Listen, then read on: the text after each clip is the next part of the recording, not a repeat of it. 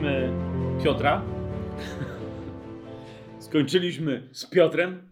Choć nie do końca, jak to dzisiaj się w ramach tego naszego studium y, okaże, mamy cztery ostatnie odcinki przedostatniego e, sezonu wprowadzenia do wszystkich ksiąg biblijnych na tajemnym planie. E, I ten tajemny plan na, na, na najbliższe te cztery odcinki jest następujący. Dzisiaj zrobimy sobie pierwszą część wprowadzenia do pierwszego listu Janowego. W przyszłym tygodniu będziemy kontynuować pierwszy list Janowy. Zaraz wyjaśnię, dlaczego w ten sposób, e, jak już się nim zajmiemy, dlaczego, dlaczego to tak. E, w trzecim, włącznie z dzisiejszym, a więc dzisiaj pierwszy list Jana, będziemy go kończyć następnym razem. Potem e, w przedostatnim odcinku tego sezonu zrobimy drugi i trzeci list Jana łącznie.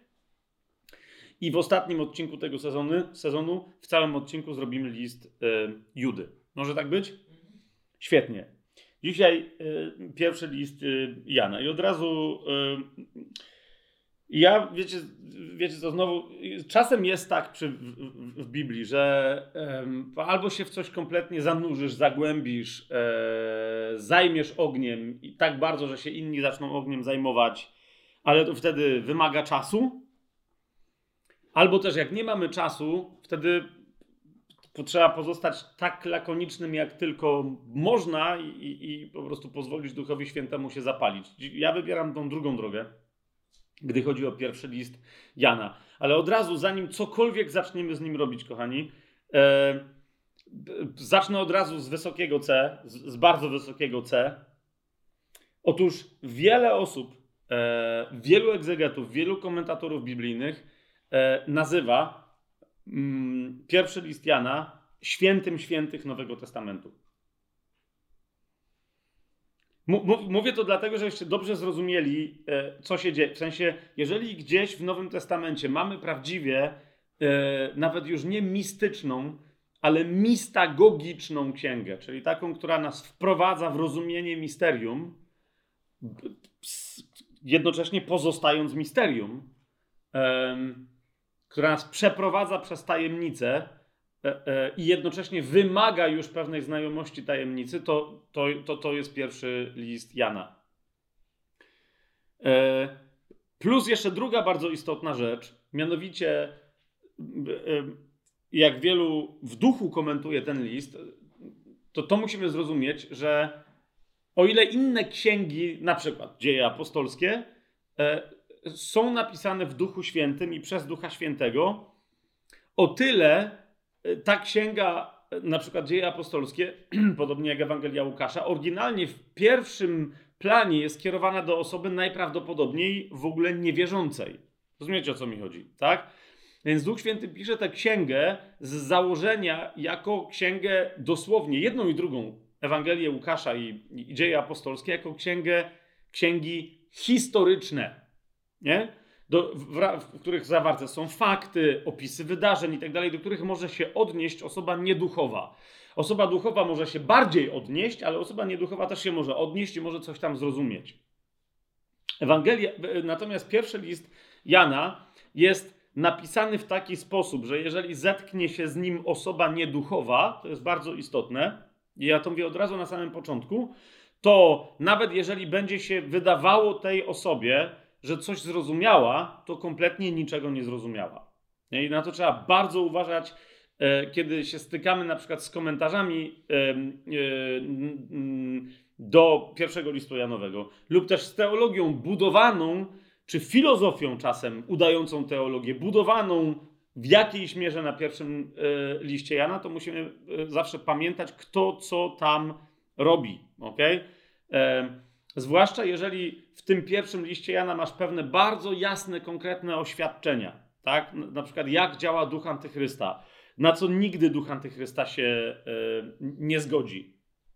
Y, na przykład na to, że, żeby, żeby uznać, że Jezus przeszedł w ciele.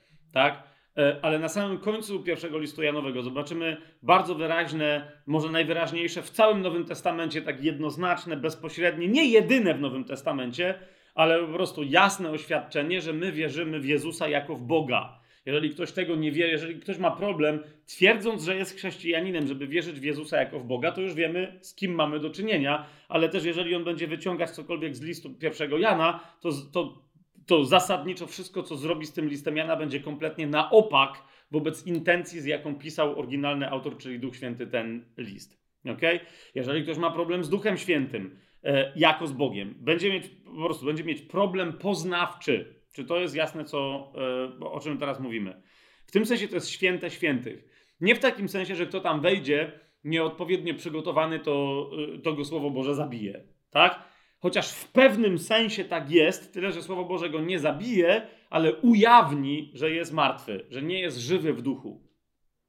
O, je, tak? Nie, nie będę tego dalej tłumaczyć. I teraz sęk w tym, kochani, że na, nasze podejście do lektury pierwszego listu Jana, przed chwilą tu brat się ze mną podzielił, serdeczny, że przed dzisiejszym spotkaniem razem z żoną sobie siedli i zaczęli e, i postanowili sobie przeczytać nagłos pierwszy, nagłos pierwszy list Jana. Serdeczne gratulacje, wszystko gra, ale ponieważ e, z kim kto przestaje, takim się staje, czyli przestają ze mną, no to, to troszeczkę przy Słowie Bożym postanowili być żartobliwi i czytając, czy to już było po przeczytaniu tego pierwszego listu Janowego, zaczęli się śmiać, że następny Watchman ni z, z Jana, nie? Bo w kółko się powtarza. Oczywiście żart to był inside joke, bo oni doskonale wiedzieli o tym i ja tu też to potwierdziłem, czy aby to wiedzieli, wiedzieli, wszystko gra, że Jan w żadnym miejscu nigdy się nie powtarza. Jezus w Ewangelii Jana się nie powtarza. Jezus i Jan w Księdze Objawienia Janowego się nie powtarzają. Nawet jeżeli wydaje ci się, że jakaś sekwencja się powtarza, zawsze, zawsze to jest fragment powtórzony, ale z jakimś słowem kluczowym, które zmienia to powtórzenie i pokazuje ci kolejny aspekt danego zagadnienia, odsłania e, kolejny, kolejny rąbek e, tajemnicy zostaje odsłonięty i tak dalej, i tak dalej. Wiecie o co mi chodzi? Nie? Więc jeszcze raz, my, nawet jeżeli mamy świadomość, że jesteśmy osobami duchowymi, to nadal, bo ktoś powie, dobra, czy nie, nieduchowa osoba niewiele wyciągnie z pierwszego Jana. Zgadza się, ale duchowa osoba też niewiele wyciągnie, jeżeli podejdzie do listu Janowego w nieduchowy sposób, ale jakiś e, pseudonaukowy, legalistyczny itd., itd., itd. Próbując szukać w liście Janowym e, fragmentu, a niestety wiele osób tak robi, który będzie coś tam potwierdzał, wyciągając jeden werset czy drugi werset. Nie?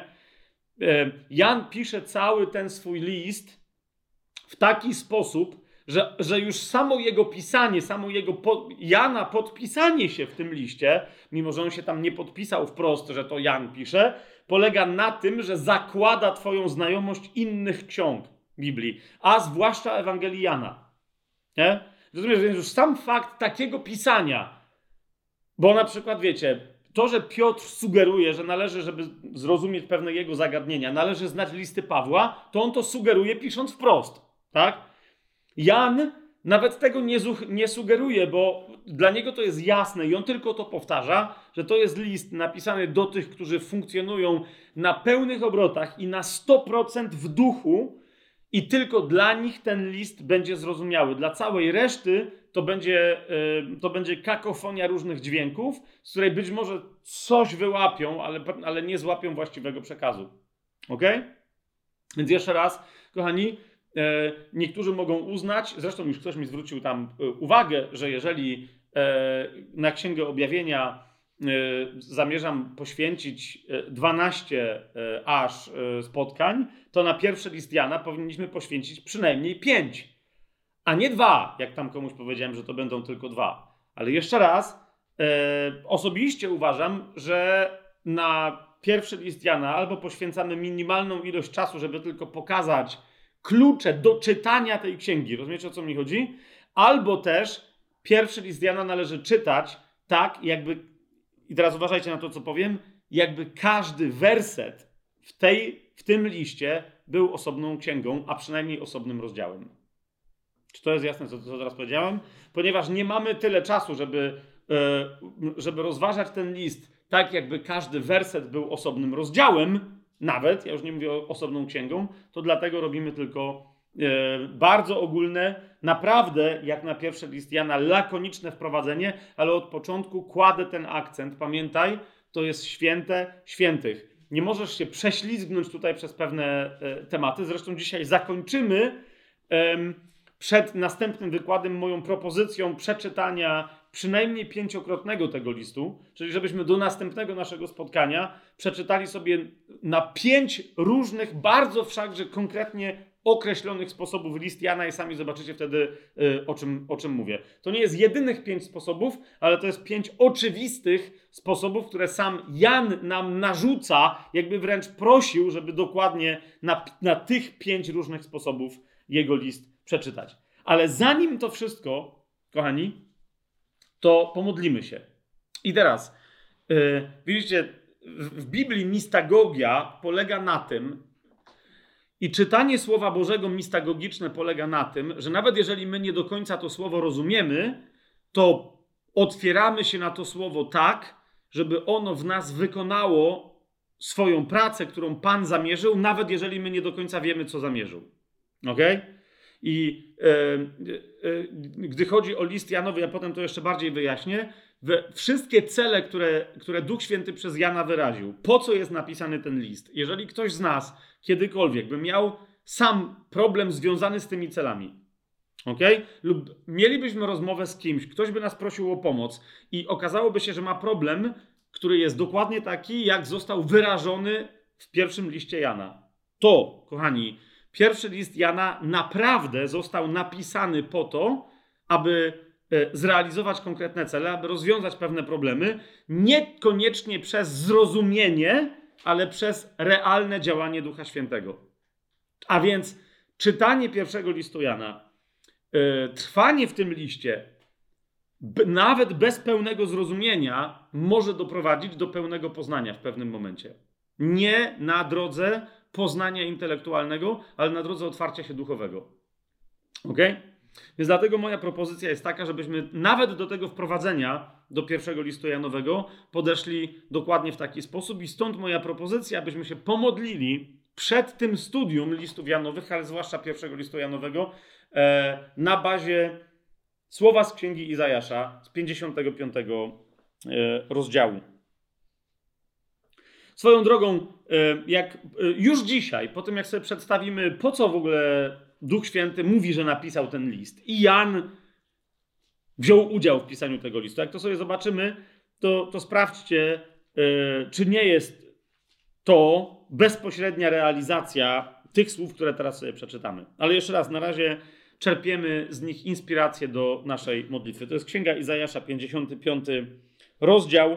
Podstawą naszej modlitwy niech będą wersety od 7 do yy, 11.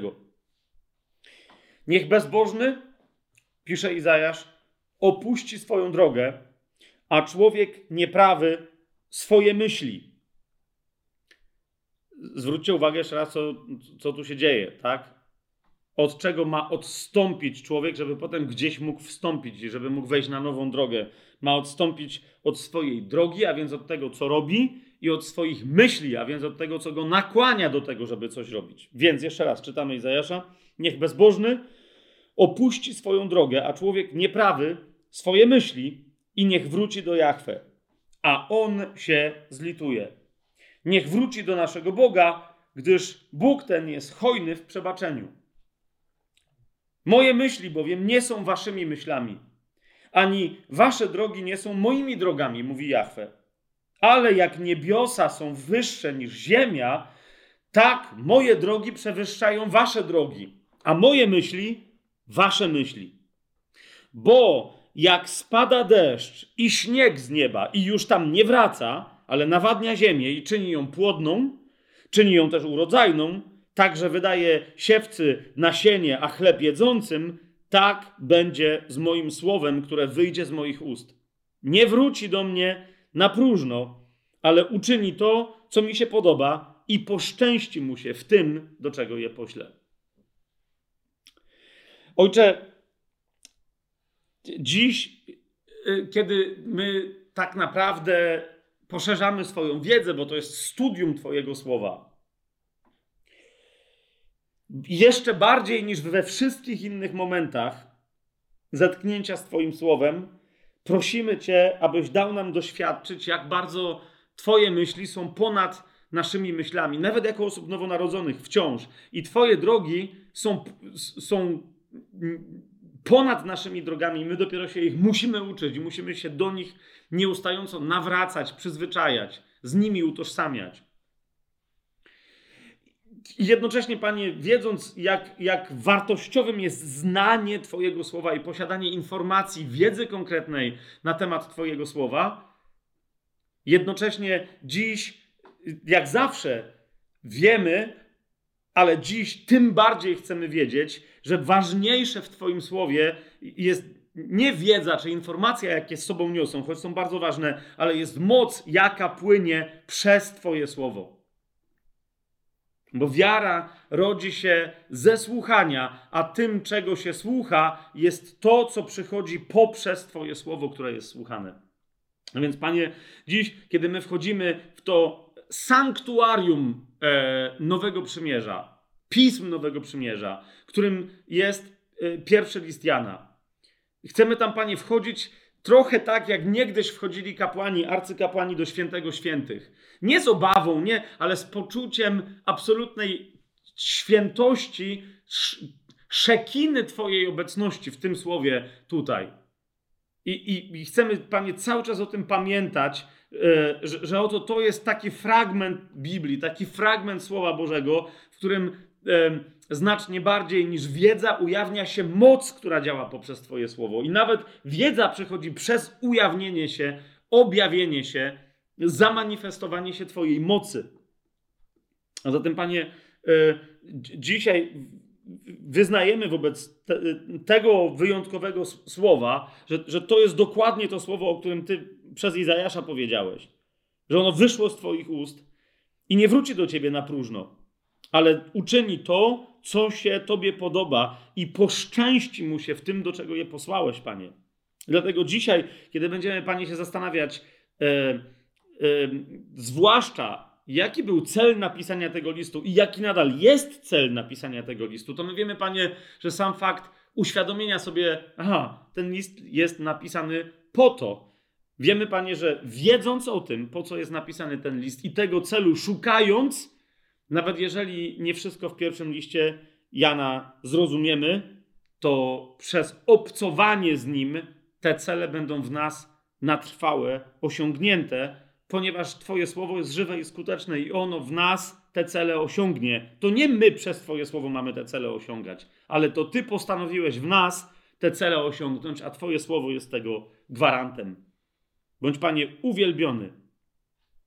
Dzięki Ci za tę Twoją łaskę, którą nas, nam w ten sposób dajesz, której nam udzielasz, którą, e, którą nas obdarowujesz. Dzięki Ci za tę Twoją wspaniałą myślność, hojność, i łaskawość. Tobie chwała na wieki. Amen. Otwórzmy sobie więc w takim razie, kochani, pierwszy list Jana apostoła, jak mamy napisane w UBG. I zanim dojdziemy do tych pytań, po co jest napisany ten list, najpierw sobie odpowiedzmy, jak przy innych e, pismach, na e, bardziej podstawowe pytania. Kto jest autorem tego listu, do kogo list jest skierowany, gdzie i kiedy był napisany i tak dalej. Wtedy, żeby nam było łatwiej zrozumieć, jakie są cele tego listu. No i teraz dobry wieczór, dzień dobry, do widzenia i dobranoc jednocześnie w tym liście. Hmm? Bo teraz, jak mamy sobie odpowiedzieć na pytanie, kto jest autorem tego listu, no to weź sobie odpowiedz na to pytanie, kiedy masz list, który niektórzy mówią nawet nie wiadomo, czy jest listem, bo nie wiadomo, kto go napisał, do kogo go napisał, e, co się tu w ogóle wyprawia. Jedyne imię, konkretne imię, rozumiecie? I to jest przedziwne zjawisko. Jedyne konkretne imię, jakie się pojawia w pierwszym liście Jana, to jest imię Jezus. Nie? Nie ma żadnej innej konkretnej osoby z imienia e, wymienionej. Teraz, no to skąd my w takim razie wiemy, że to jest y, list Jana Apostoła? No i tu często w wielu komentarzach niestety spotkacie się z nie mówię, że zupełnie nieistotnym dowodem, ale dowodem tylko drugorzędnym i drugoplanowym, tak? Mianowicie z tak zwanym dowodem eksternalnym, tak się czasem w teologii mówi, czyli zewnętrznym w stosunku do Biblii, czyli że z historii Kościoła, ale ja się tym nie chcę zajmować. Czy inaczej, jasne, to nam coś tam potwierdza i o tym za chwilę y, tylko coś tam powiemy, Niemniej, czy mamy jakiś dowód, jakiś zapisek wewnątrz? Pamiętacie, myśmy już mieli taki przypadek, czy list do Hebrajczyków jest listem Pawła do Hebrajczyków, tak? I tu mamy pytanie, e, czy list Jana Apostoła jest listem Jana, tak? I otóż, kochani, istnieje e, taki, mm, e, taki potrójny dowód internalny, czyli wewnętrzny, tak? Do, albo też dowód z wewnątrz, od wewnątrz, który nam pokazuje, że jeżeli istnieje jakiś autor, to, to musi być autor Ewangelii Jana. Tutaj, nie? Po pierwsze, kochani, e, wiemy bardzo jasno, autor tego listu, bo jest jakiś autor, tak? On na początku, to jest interesujące, e, że e, zaczyna w liczbie mnogiej, a potem e, przechodzi na liczbę pojedynczą. Więc my wiemy, że to jest pojedynczy autor, a liczba mnoga na początku, bo niektórzy mówią, że to pisało większy, że to jest list napisany przez większą liczbę autorów. Nie. Liczba mnoga na początku coś nam zaznacza, ale potem, jak zauważycie, na przykład drugi yy, rozdział, moje dzieci, piszę wam to i tak dalej, i tak dalej. Potem się pojawia konkretnie jest jeden autor. Czy to jest jasne? Tak? Ale ten autor na początku pisze w liczbie mnogiej. To, co było od początku, zobaczcie pierwszy rozdział, yy, od pierwszego do trzeciego wersetu. To, co było od początku, co słyszeliśmy, co widzieliśmy na własne oczy, na co patrzyliśmy i czego dotykały nasze ręce.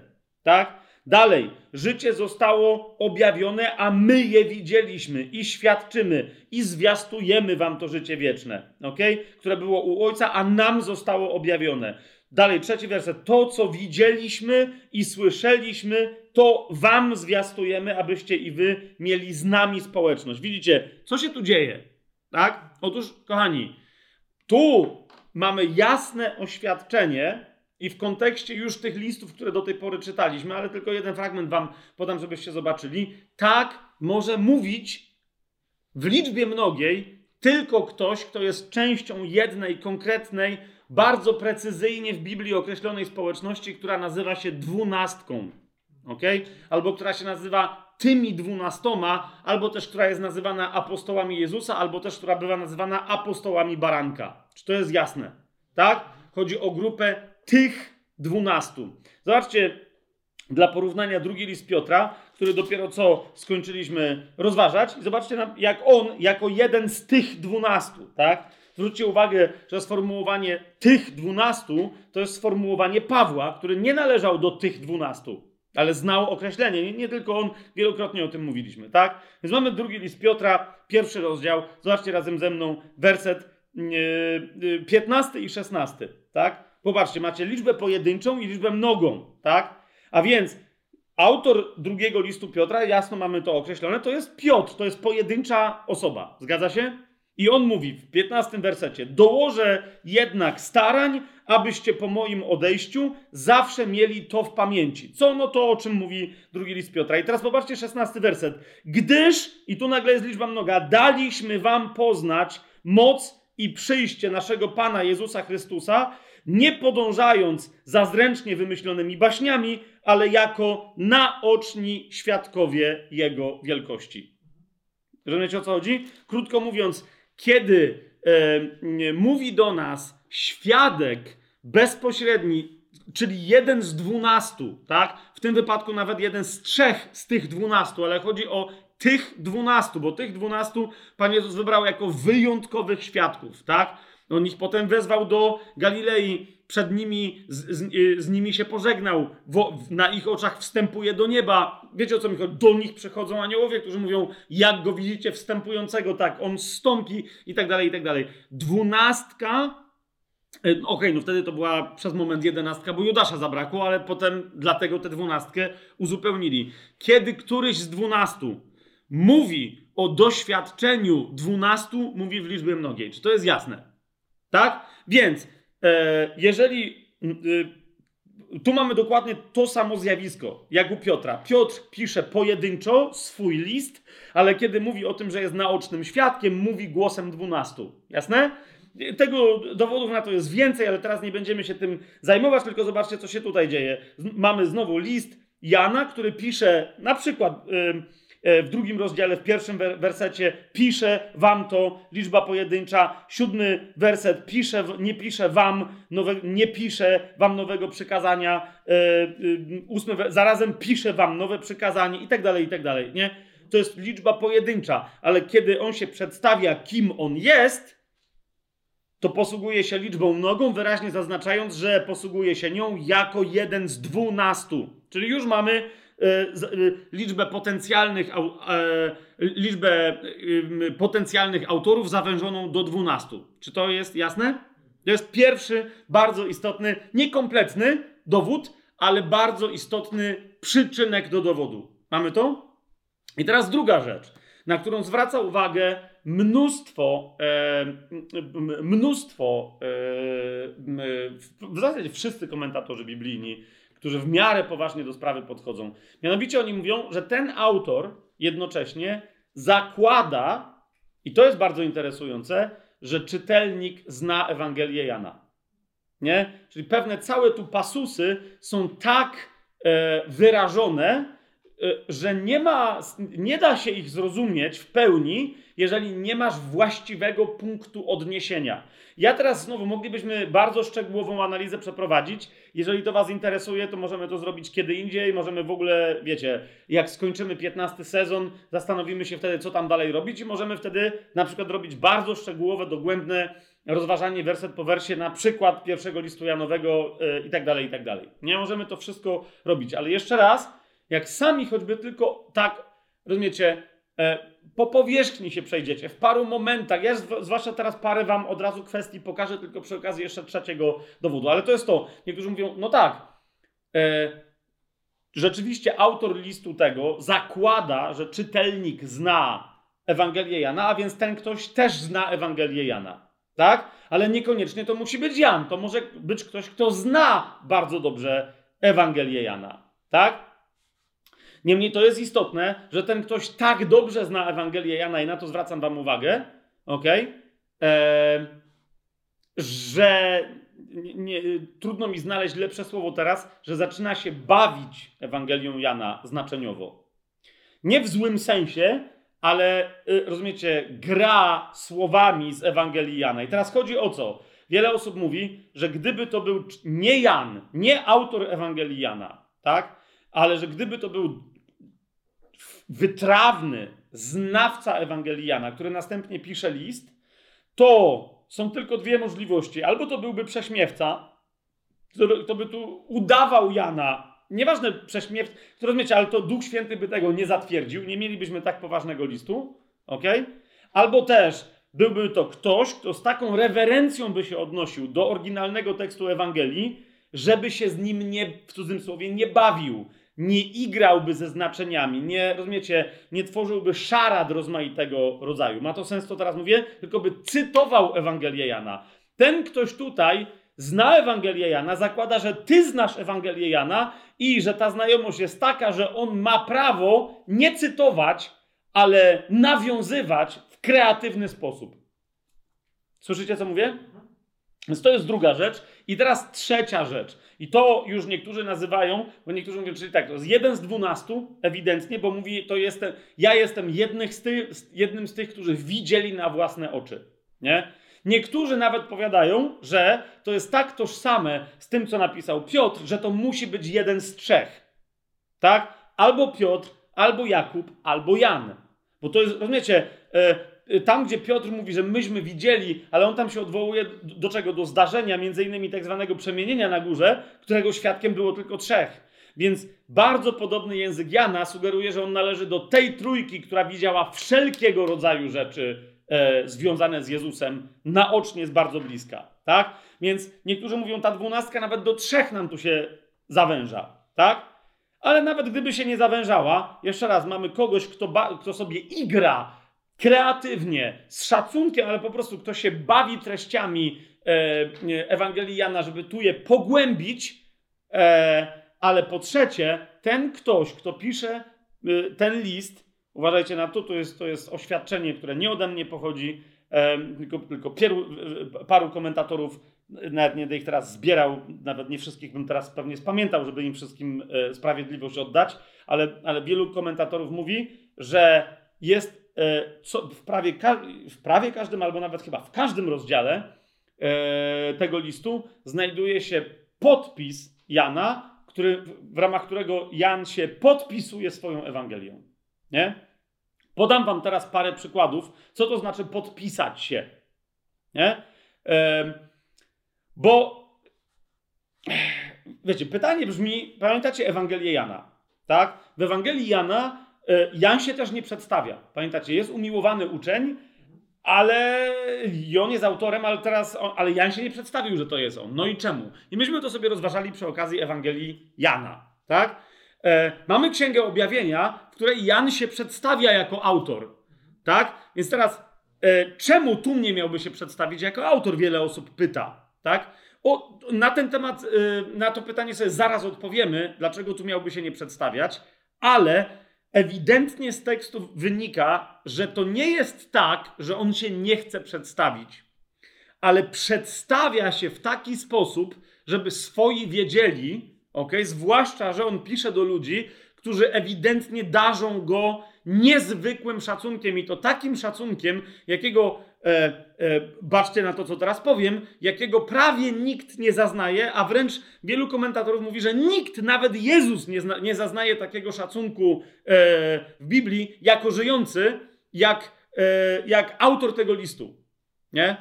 W sensie Jezus mówi pewne rzeczy e, do swoich uczniów i im coś tam uświadamia, Człowiek, który, bo to jest człowiek, który pisze ten list do innych wierzących, wie o tym, jak wielką darzony jest, e, jak wielkim jest szacunkiem już obdarowany, e, e porównywalnym z Jezusem. Czy to, to jasne jest to, to, to, co mówię? Dlaczego, kto by to mógł być? Zważcie na to, nie?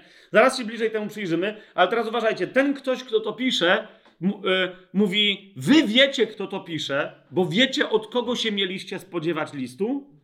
Ja wiem, do kogo ja piszę, ale żeby było potwierdzone, kto do kogo, po co i o co, to zostawiam wam dosłownie, rozumiecie, takie zmrużenie oka, takie, kto mógłby takim okiem tak zmrużyć, jeżeli nie ja. Otóż, zobaczcie na przykład na sam początek tego listu, nie?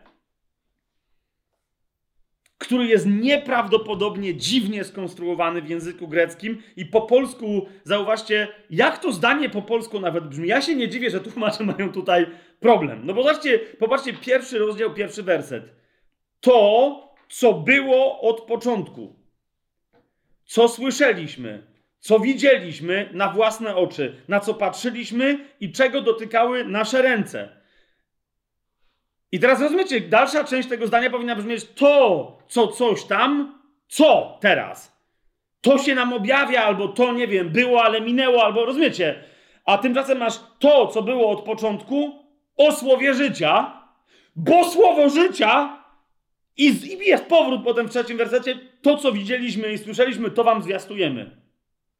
Czyli to, co było od początku, pierwszy werset, trzeci werset, to wam zwiastujemy. Ale co jest w środku o słowie życia, bo życie zostało objawione, co się tu w ogóle wyprawia? Nie?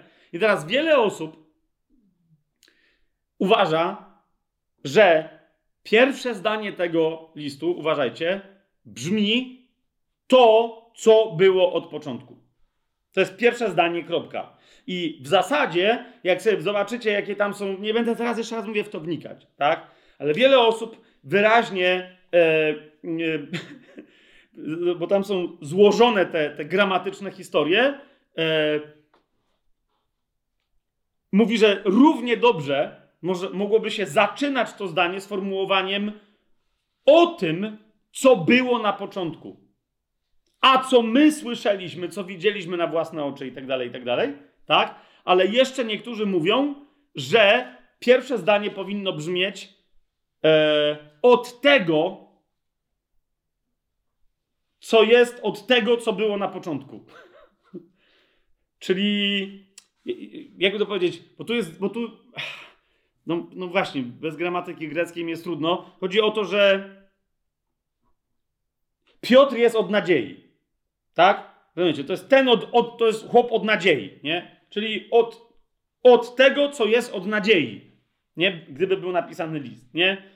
Tymek jest od zarządzania całym tajemnym planem. Jest, jest od, to jest od tego planu. Od, nie? Nie od tajemnego, od tego gościa, co jest od tajemnego planu. Jasne? Nie? I tak dalej, i tak dalej. I teraz chodzi o co? Że jeżeli po tym, co było na początku, dać kropkę, to równie dobrze można byłoby to zdanie przetłumaczyć jako skrótowe, że, że ten list pochodzi od tego, co napisał tamto coś, co się zaczynało na początku. Było. Jest to jasne, co ja mówię? I jeszcze raz, to nie jest, to nie jest żadna kombinacja, tylko naprawdę, wiecie, jakby wymyślałem, tylko naprawdę tak może być. Ale nawet jeżeli tak nie jest i nie taka była intencja, choć jeszcze raz mówię, ci, co znają bardzo dobrze Grekę, mówią, że intencja jest tu aż nadto wyraźna, to jeszcze raz, to zdanie odnosi się do innego zdania. Nie? Rozumiecie? Czyli, czyli w, naj, w najsłabszym możliwym przypadku, jeżeli już wszystkie inne byśmy odrzucili, to co tu jest napisane? Tak? O tym, co było na początku. Otwórzcie sobie pierwszą Ewa e, Ewangelię Jana, pierwszy rozdział. Nie? Ewangelia Jana, pierwszy rozdział, zaczyna się od sformułowania na początku było słowo. Nie? Słowo było u Boga i tak dalej, i tak dalej, i tak dalej. Czwarty werset, w nim było życie, a życie było światłością ludzi. Nie? Zobaczcie potem na tematy pierwszego listu Jana. E, słowo, słowo życia, życie, światłość i tak dalej, i tak dalej. Nie? Ale teraz na początku było słowo. Nie? Nikt w całej Biblii nie śmiał dotykać e, sławnego Bereshit z Księgi Rodzaju. Na początku Bóg stworzył niebo i ziemię. Nie? To jest tyle. Tak się zaczyna Biblia. Nikt tego nigdy nie śmiał dotykać, nikt nigdy tego nie trawestował, nikt nigdy nie mówił. I nagle pojawił się Jan ze swoją Ewangelią pod koniec pierwszego wieku, żeby powiedzieć: OK, ale umówmy się, tak? My mamy objawienie w Jezusie, my wiemy, że Jezus jest Bogiem, tym, który jest w tamtym początku opisanym, tak? Więc pojawili się różni inni cudotwórcy pseudo, którzy mówią, że Jezus to to, Jezus to tamto, Jezus to nie to, Jezus to nie tamto i tak dalej, i tak dalej. Nie, umówmy się, od samego początku Słowo Boże jest jedno. Na początku Bóg. Wielu nawet Żydów mówi, że to jest pierwsze zdanie Biblii. Nie, na początku Bóg stworzył niebo i ziemię, ale na początku Bóg. Tyle. Rozumiecie? To jest pierwsze zdanie. I potem, że on stworzył niebo i ziemię i tak dalej. Ale to jest to na początku wszystkiego. I Jan mówi, owszem, to my musimy rozumieć tego Boga. Na początku jest Słowo. Słowo na początku jest u Boga i Bogiem, tym Bogiem jest to Słowo. Czy to jest jasne? Nie? Trzymajcie tu jeszcze Ewangelię y, Jana, albo nie. I teraz zobaczcie, jak cały swój list Jan kończy. Ok? Czyli pierwszy list Jana, piąty rozdział, dwudziesty werset.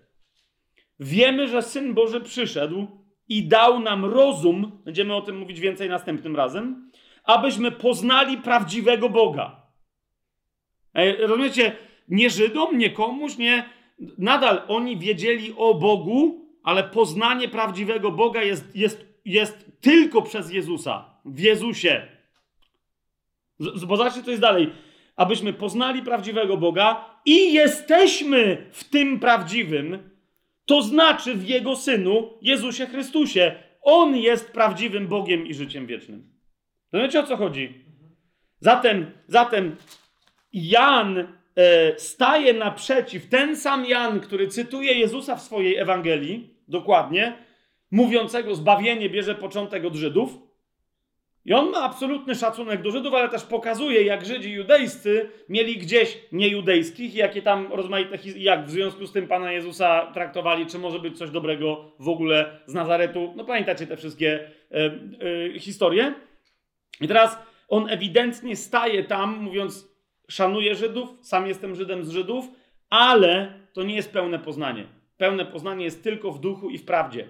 Pełnym rozumieniu słowa, w pełnym przyjęciu Ducha Świętego i w pełnym rozpoznaniu Jezusa jako Boga. Zauważcie, e, żadna z Ewangelii nie mówi w tak oczywisty sposób o Jezusie jako o Bogu. I nie pokazuje Żydów, którzy chcą go zabić, ponieważ on mówi, że jest Bogiem, jak Ewangelia Jana. Ok? Więc Jan pod koniec to są ostatnie pisma w ogóle chrześcijańskie. Nie? Ostatnie. I jego Ewangelia, i jego listy, i Księga Objawienia. Tak? Są, to, to są jego ostatnie, e, to są ostatnie pisma e, e, pierwszego chrześcijaństwa, najstar, jakby w tym sensie najmłodsze, bo najpóźniej napisane, najpóźniej zrodzone w Duchu Świętym pisma natchnione Nowego Testamentu. Tak? Więc cała Ewangelia Jana to jest jedno bardzo poważne oświadczenie, które zaczyna się od na początku było słowo. To jest jasne? To jest tak ewidentne nawiązanie do na początku Bóg stworzył niebo i ziemię, że e, Ewangelia Jana w wielu, e, w wielu e, pismach kiedy, kiedy ktoś się do niej odwołuje w starożytnym chrześcijaństwie, jest parę takich miejsc, gdzie ktoś, się ktoś nazywa tą księgę Enarche, tak? Czyli na początku. W odróżnieniu od Bereshit, że to jest właściwe chrześcijańskie rozumienie całego, co było naprawdę na początku i że my patrzymy na to z perspektywy Ewangeliana, która się zaczyna właśnie od na początku. To jest jasne? Zatem, jak, jeszcze raz mówię, jak ktoś, kto zna Grekę, niech zobaczy, jak to enarche na początku zostało tutaj zacytowane w pierwszym rozdziale, w pierwszym wersecie tego pierwszego Janowego listu. Nie? I zobaczycie, że ewidentnie tu jest napisane o tym, co było na początku, albo o tym, co było w tym, co było na początku. Nie? To jest dokładnie takie. Tak może napisać tylko i wyłącznie autor tamtej księgi, który mówi jeszcze raz, będę kontynuować jeszcze raz będę o tym mówił. Ja wtedy napisałem o życiu życia, a teraz wam napiszę o konsekwencjach tego życia. Czy to jest jasne? Tak? To jest pierwszy taki fragment. Drugi taki fragment. Zobaczcie, pierwszy list Jana, pierwszy rozdział, czwarty werset. Nie? A piszemy to wam, aby wasza radość była pełna. e, Dwukrotnie znajdziemy takie sformułowanie jako sformułowanie Jezusa w Ewangelii Jana. Dwukrotnie, tak? Teraz, ale to nie jest, rozumiecie, to nie jest zwyczajny cytat. Tam Jezus mówi, to wam powiedziałem, aby moja radość była w was i aby wasza radość była pełna, tak? My jeszcze dzisiaj do tego się yy, odwołamy i do tego się odniesiemy. Ale kochani, Jan, tu autor tego, te, yy, tego listu pisze, że on coś napisał, aby radość odbiorców tego, co on napisał, była pełna. Rozumiecie? To, to jest, to on nie cytuje Jezusa, on trawestuje jego słowa i robi z nich swoje. Rozumiecie, o co idzie? To jest ktoś, kto dobrze rozumie, co tam było napisane i kto wie, że ma prawo tak napisać, jeżeli jakieś warunki będą spełnione. Tak? Ja jeszcze o tych warunkach teraz nie będę mówić, o tym sobie dzisiaj powiemy nieco, nieco później, ale jeszcze raz przyjrzyjcie się temu. Nie? To jest kolejny podpis, tak może napisać tylko i wyłącznie autor Ewangeliana, który pisze teraz ten list. O, yy, rozumiecie, to, to jest gra z tamtym cytatem z Jezusa, ale jednocześnie nie gra, bo on się nie wygłupia, nie? Tylko on na bazie tego, co tam było napisane, do tamtego się odwołując, mówi: Ja teraz to robię, co tamten powiedział, że robi, w jego imieniu, w jego duchu, w posłuszeństwie jego przykazaniom, i dlatego mogę napisać, że ja teraz napisałem to, co napisałem, aby wasza radość była pełna. Aby, się, aby został osiągnięty ten cel, o którym on mówił, że go chce osiągnąć. Popatrzcie jeszcze na przykład na 1 Jana, yy, piąty rozdział, szósty werset. O Jezusie, Synu Bożym jest powiedziane, to jest ten, który przyszedł przez wodę i krew. Jezus Chrystus. Nie tylko w wodzie, ale w wodzie i we krwi. A duch jest tym, który świadczy, bo duch jest prawdą. Nie? Po pierwsze, owszem, jest tu zaznaczona yy, i sugerowana znajomość nasza Ewangelii Jana. 19 rozdział Ewangelii Jana. 34 werset. Ale jeden z żołnierzy przebił włócznią jego bok i natychmiast wypłynęła krew i woda. I teraz zobaczcie, co tu jest napisane, 35 werset. A ten, który to widział, świadczył o tym, a jego świadectwo jest prawdziwe i on wie, że mówi prawdę, abyście wy wierzyli. Kto to mówi? Kto o kim to mówi? Ok? To mówi autor. Jesteście w ogóle ze mną? Halo? Tak? Ok, okay, dobra. E, 35 werset widzicie, czy dopiero czy za szybko lecę? Ok. Ten, który to widział, świadczy o tym. Kto to widział? Kto tam stał pod krzyżem? Zauważcie, to się wcześniej dzieje. 25 werset, tak? 26 werset. Gdy więc Jezus zobaczył matkę i ucznia, którego miłował stojącego obok, powiedział do swojej matki kobieto, oto twój syn. Rozumiecie o co chodzi? Więc mamy tej wody i krwi, yy, jakby było 12 świadków, ok. Potem masz trzech świadków, ok, ale tutaj nie ma ani Jakuba, ani Piotra. Rozumiecie o co chodzi? Ani żadnego z 12. Tu jest tylko Jan. Rozumiecie, krew i woda są Jego. I on ewidentnie w swojej własnej Ewangelii zaznacza, że on daje świadectwo, bo wie, co widział. Tak? Jednocześnie też on jest świadkiem innego zdarzenia, o którym tylko on w taki wyraźny sposób pisze, bo jak zobaczycie, w innych Ewangeliach jest powiedziane o tym, że Jezus wyzionął ducha i to bardziej chodzi o to, że rzeczywiście, że po prostu wziął i umarł, tak? Natomiast Jan, kiedy mówi yy, o śmierci Jezusa, zobaczcie 19 19 rozdział, 30 werset, czytamy u Jana, gdy Jezus skosztował octu, powiedział, wykonało się i schyliwszy głowę, oddał ducha. A, a jak zobaczycie sobie, jak to jest po grecku napisane, to jest zupełnie inny czasownik oznaczający posiadanie ducha, a następnie wydanie go, jakby wylanie w tym wypadku na cały świat. Będziemy o tym wielokrotnie pewnie w innych momentach mówili, jak nie, to jeszcze będziemy o tym mówić. Nie będziemy teraz tego rozważać, ale chodzi o to, że tu się pojawia oddanie ducha, tak? Świadome po, pojawienie się na świecie ducha, które następnie, że tak powiem, jest przypieczętowane materialnie wypłynięciem z boku Chrystusowego wody i krwi. Czy to jest jasne? Tak? I mamy tylko jednego świadka tego, który nam się w Ewangelii podpisuje, y, w Ewangelii Jana 19, rozdział 35, werset, a ten, który to widział, świadczy o tym. Ten, który to widział. Tak? Teraz zobaczcie, Ewangelia Jana, 5 rozdział, 6 werset. To jest ten, który przyszedł przez wodę i krew Jezus Chrystus. Nie tylko w wodzie, ale w wodzie i we krwi, a duch jest tym, który świadczy, bo duch jest prawdą. Ok? Więc te trzy rzeczy należą tylko i wyłącznie do jednego świadka, który tu jeszcze raz mówi, że wraca do tego samego wątku. Jeżeli więc mamy w pierwszym liście Jana, w pierwszym rozdziale, zobaczcie, to co było od, od początku, co słyszeliśmy, co widzieliśmy na własne oczy, tak? To, to kto co zobaczył na własne oczy? Jan różne rzeczy, ale w tym między innymi wodę i krew wypływającą z boku Chrystusa. Jasne?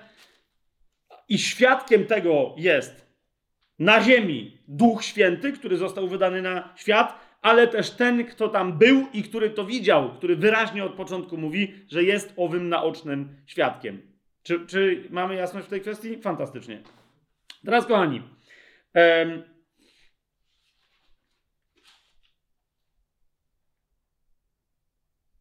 Czemu, e, właśnie, to jest ta, ta następna rzecz, e, w Księdze Objawienia, zobaczcie, w Księdze Objawienia w pierwszym rozdziale, w dziewiątym wersecie, mamy e, Jana, który się przedstawia.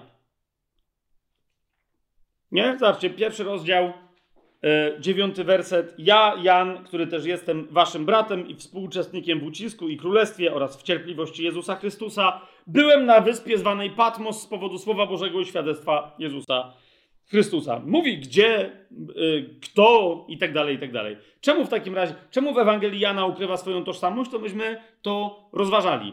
Y, zwłaszcza, że jednym z możliwych uzasadnień y, jest nie tylko to, że Jan chciał, żeby to była Ewangelia pisana przez Kościół, ale też to, że no właśnie, być może chciał ukryć tożsamość z innych powodów, tak? Bo już wtedy być może e, e, apostołowie inni nie żyją, a, a, pamiętacie, jak się kończy Ewangelia e, Jana, tak? Że niektórzy zaczęli wierzyć, że Jan dożyje do powrotu Pana Jezusa, tak? ponieważ Piotr tam coś usłyszał, inni też potem z tego zrobili plotkę i tak dalej, i tak dalej. Ponieważ to jest wciąż żyjący jeden, jedyny e, o, ostatni z apostołów baranka, ostatni z dwunastu, e, no to właśnie, to by było, że teraz ja Jan piszę, zobaczcie jaki jestem stary i teraz, że, żeby być może tej plotki nie podbudowywać, być może Jan był poszukiwany, ok? I teraz to jest naj, najbardziej prawdopodobne uzasadnienie, dlaczego Jan się nie przedstawia w pierwszym, drugim ani trzecim liście, ok?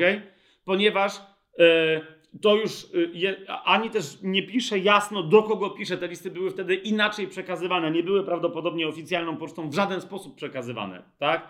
A więc były zabezpieczone na wypadek przejęcia takiej korespondencji, gdyby ktoś nieuczciwy, jakiś zdrajca e, chciał wyciągnąć z nich informacje. Więc im bardziej Kościół jest prześladowany, zobaczcie na przykład na list do Efezjan, no ale tu listy Jana są tego dobitnym przykładem, tym bardziej tożsamość odbiorców, tożsamość nadawcy, miejsce ich pobytu itd., tak itd. Tak są utajone w taki sposób, że nadal, zobaczcie na, na, na listy Piotra na przykład, tak? Te pozdrowienia z Babilonu, czyli skąd? Kto ma wiedzieć, ten wie, po prostu, tak? Swoi wiedzą, a nie swoi. No właśnie, jak nie swoi udają swoich, a nie wiedzą, to my już wiemy, że nie są swoi, tak? I tak dalej, i tak dalej. Więc kochani, no ale niektórzy mówią, no ale skoro to tym bardziej jest jeszcze większe prześladowanie, kiedy Jan pisze swoją księgę objawienia. Fantastycznie, ale wtedy on się już nie musi ukrywać, bo właśnie trafił na, e, do więzienia na uchodźstwo, tak? Do, że tak powiem, obozu koncentracyjnego. No to co ma robić jakąś wielką tajemnicę, z, z, jak już go złapali, tak? Więc wtedy już pisze wyraźnie, że on to pisze z miejsca odbywania kary, yy, yy, w ramach której to został zesłany na wyspę Patmos. Czy to jest jasne? Tak? W pierwszym liście jeszcze swoją e, tożsamość e, ukrywa.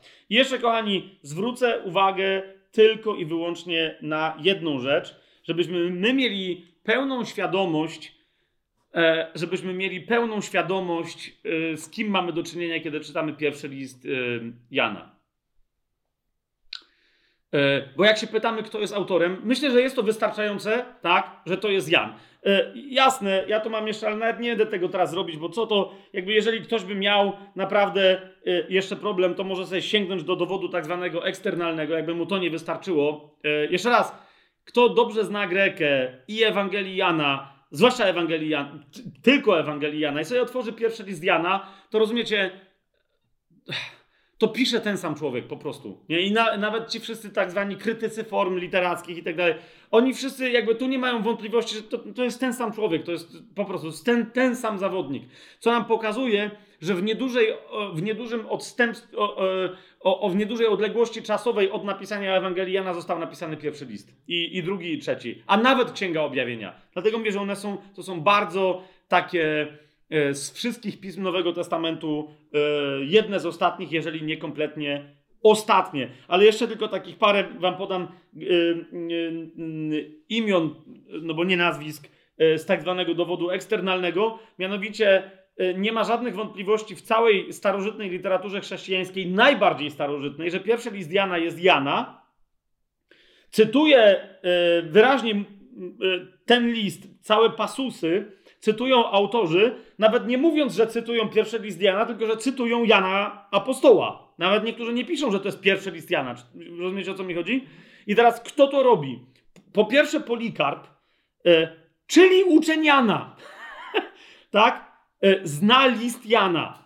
Następnie uczeń Polikarpa, czyli Ireneusz. Tak? Y, Ireneusz z Lyonu, ale który oryginalnie nie był z Lyonu. On był oryginalny, on się w pewnym wylądował w Lyonie, tak? A więc mamy Polikarpa, Ireneusza, Papiasza, Klemensa Aleksandryjskiego, Tertuliana, Cypriana, yy, tak zwany kanon Muratoriego również podaje nam yy, yy, ten, y, oprócz Ewangelii Jana jeszcze to pismo.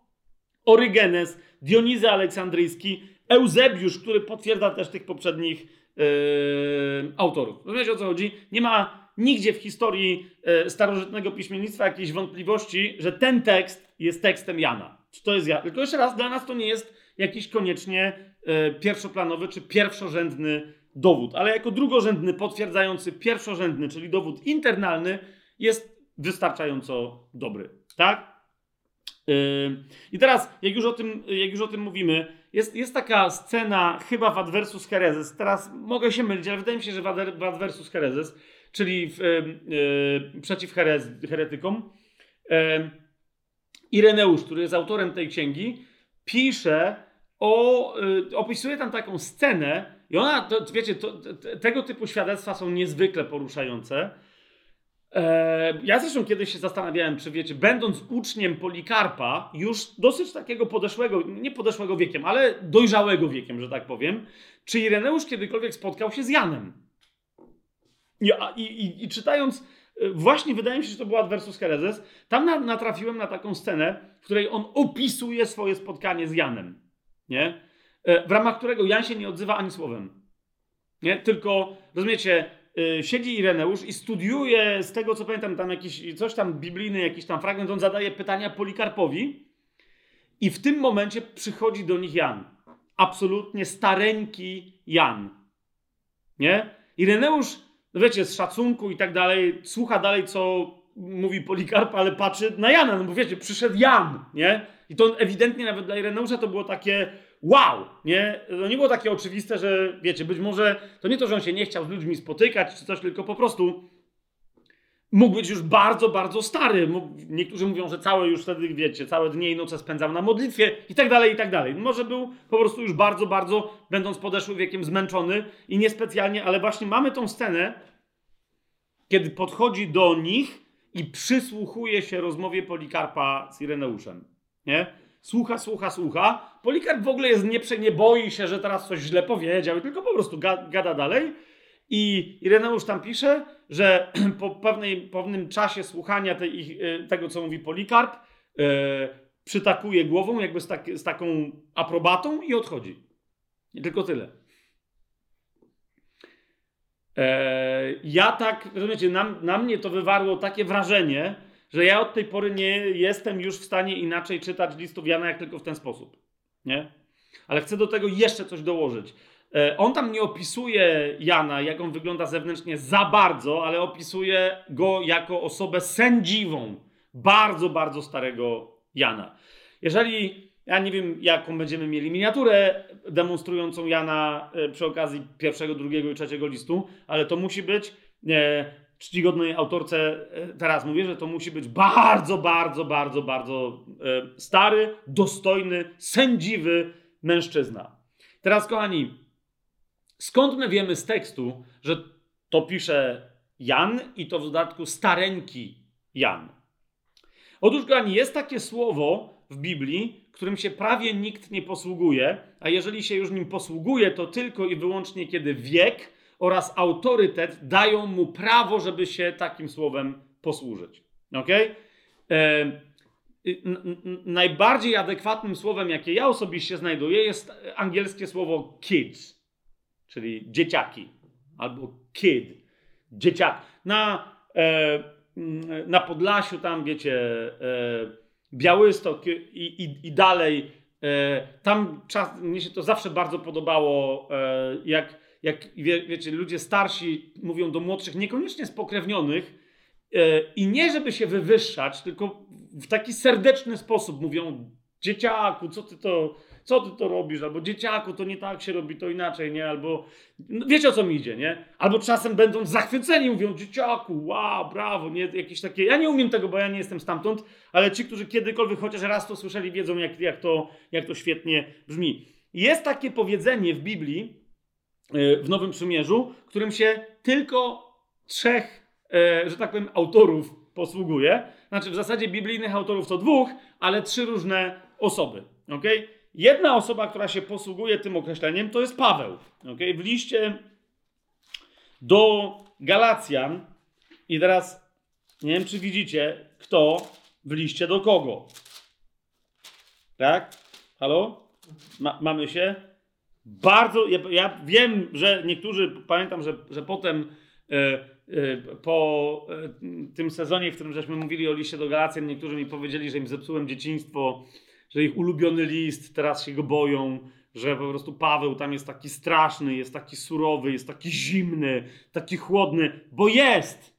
ale też to jest jedyne chyba, może się mylę, ale, może na chybcika coś teraz zrobiłem, ale tak z pamięci jadąc, to mi się wydaje, że to jest jedyne miejsce, w którym Paweł się posługuje tym słowem we wszystkich swoich listach. I właśnie do Galacjan.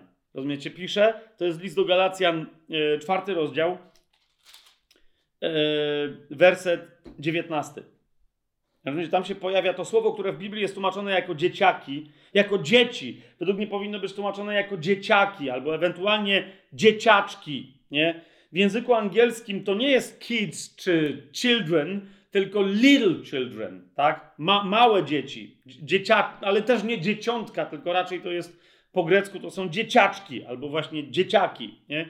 I teraz zobaczcie, do Galacjan e, Paweł jest bardzo surowy, ale jednocześnie jakby mówi, że musi być surowy, ponieważ poród jest surowy. Matka, która rodzi, cierpi, za chwilę okaże wiele czułości dzieciom i tak dalej, ale jak dopóki trwa poród, to może być nieco wnerwiona na różne sytuacje i może różne rzeczy, dziwne rzeczy wykrzykiwać na temat dziecka, które właśnie rodzi, męża, który dla niej to dziecko spłodził razem z nią i tak dalej, i tak dalej. Mogą się różne historie wyczyniać, tak? A więc list do Galacjan, czwarty, yy, czwarty rozdział, dziewiętnasty werset, pisze tam yy, Paweł do Galacjan, moje dzieci, które znowu w bólach rodzę, aż Chrystus w was się ukształtuje. Widzicie to? Więc to jest Paweł, który się posługuje tym specyficznym e, greckim określeniem.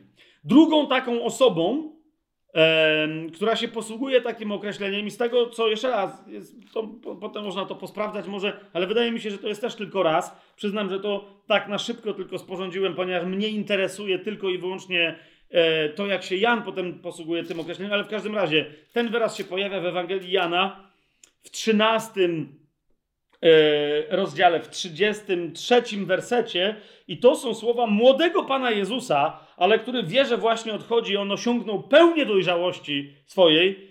Wiecie, to jest ten, komu Żydzi powiedzieli 50 lat, e, jeszcze nie masz, a, a Abrahama już widziałeś?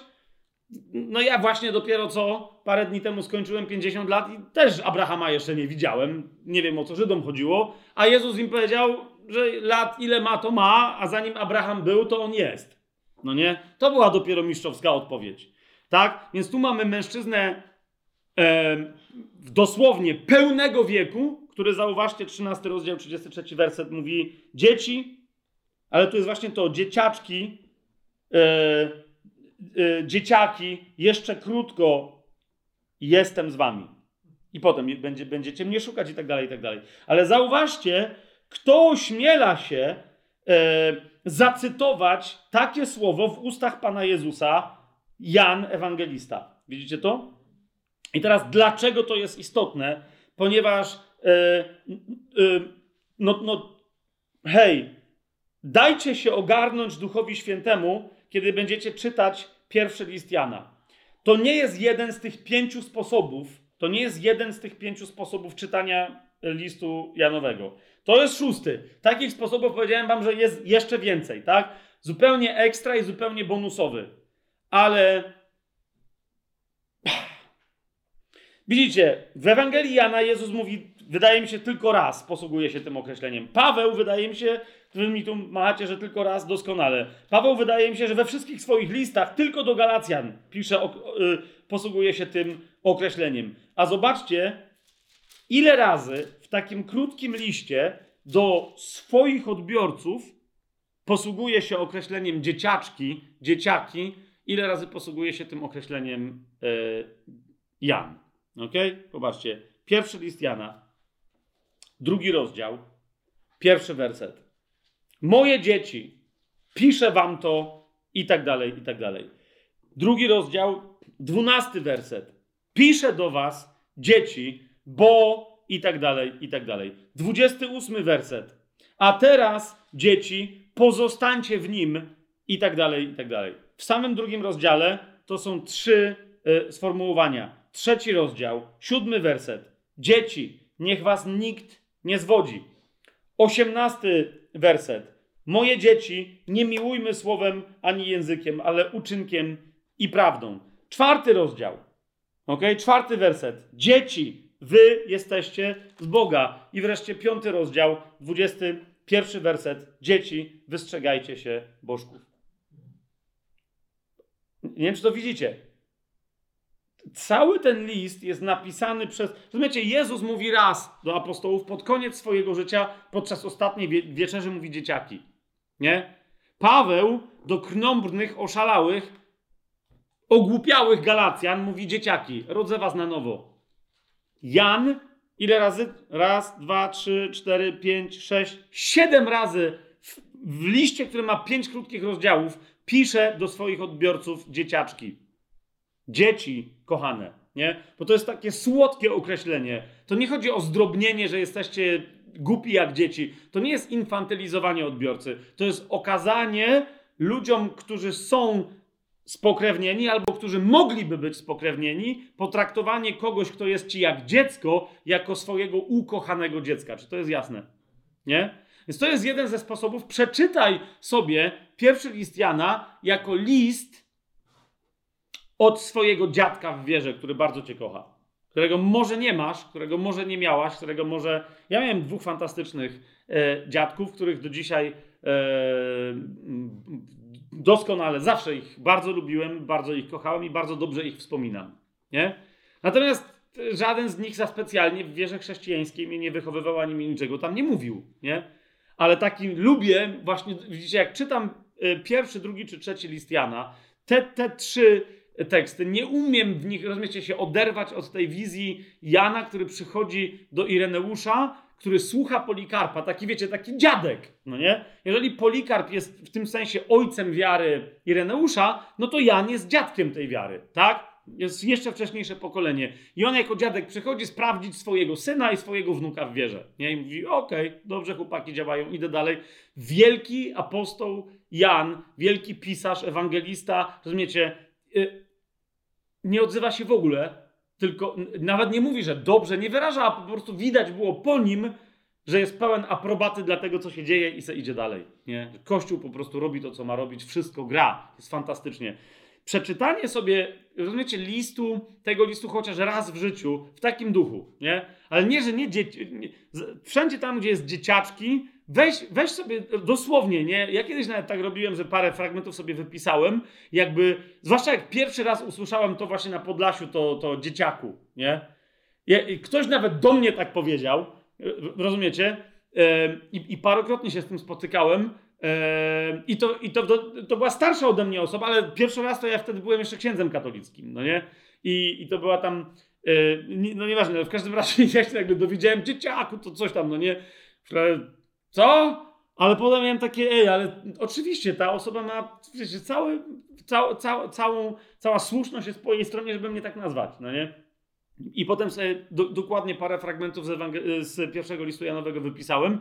Jakby to było, gdyby to był list dosłownie do mnie, napisany przez Ducha, y, przez Ducha Świętego, ale przez Jana do mnie, nie?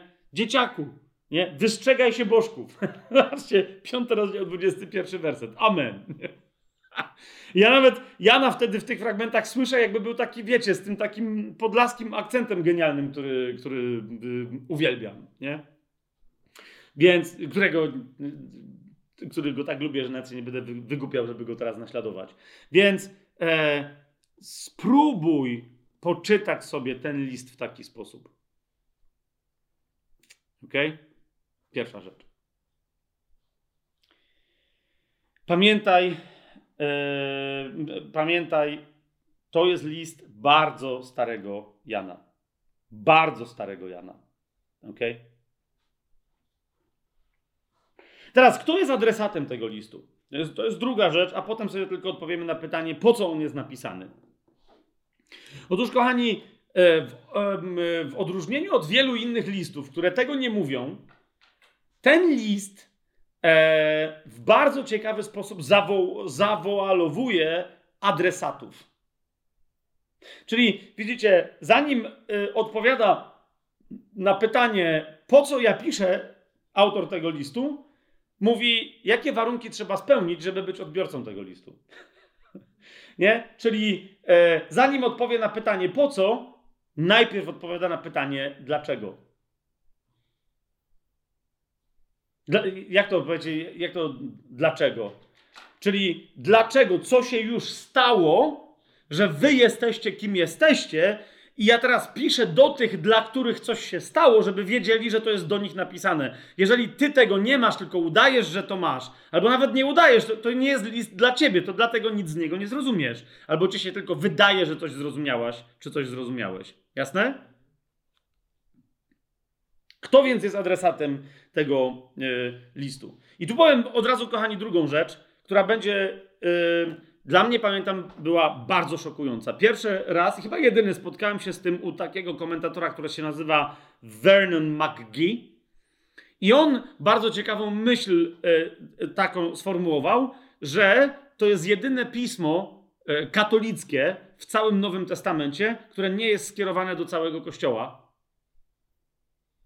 ale jest skierowane do całego prawdziwego Kościoła. I ja myślę, co w ogóle się mu dzieje?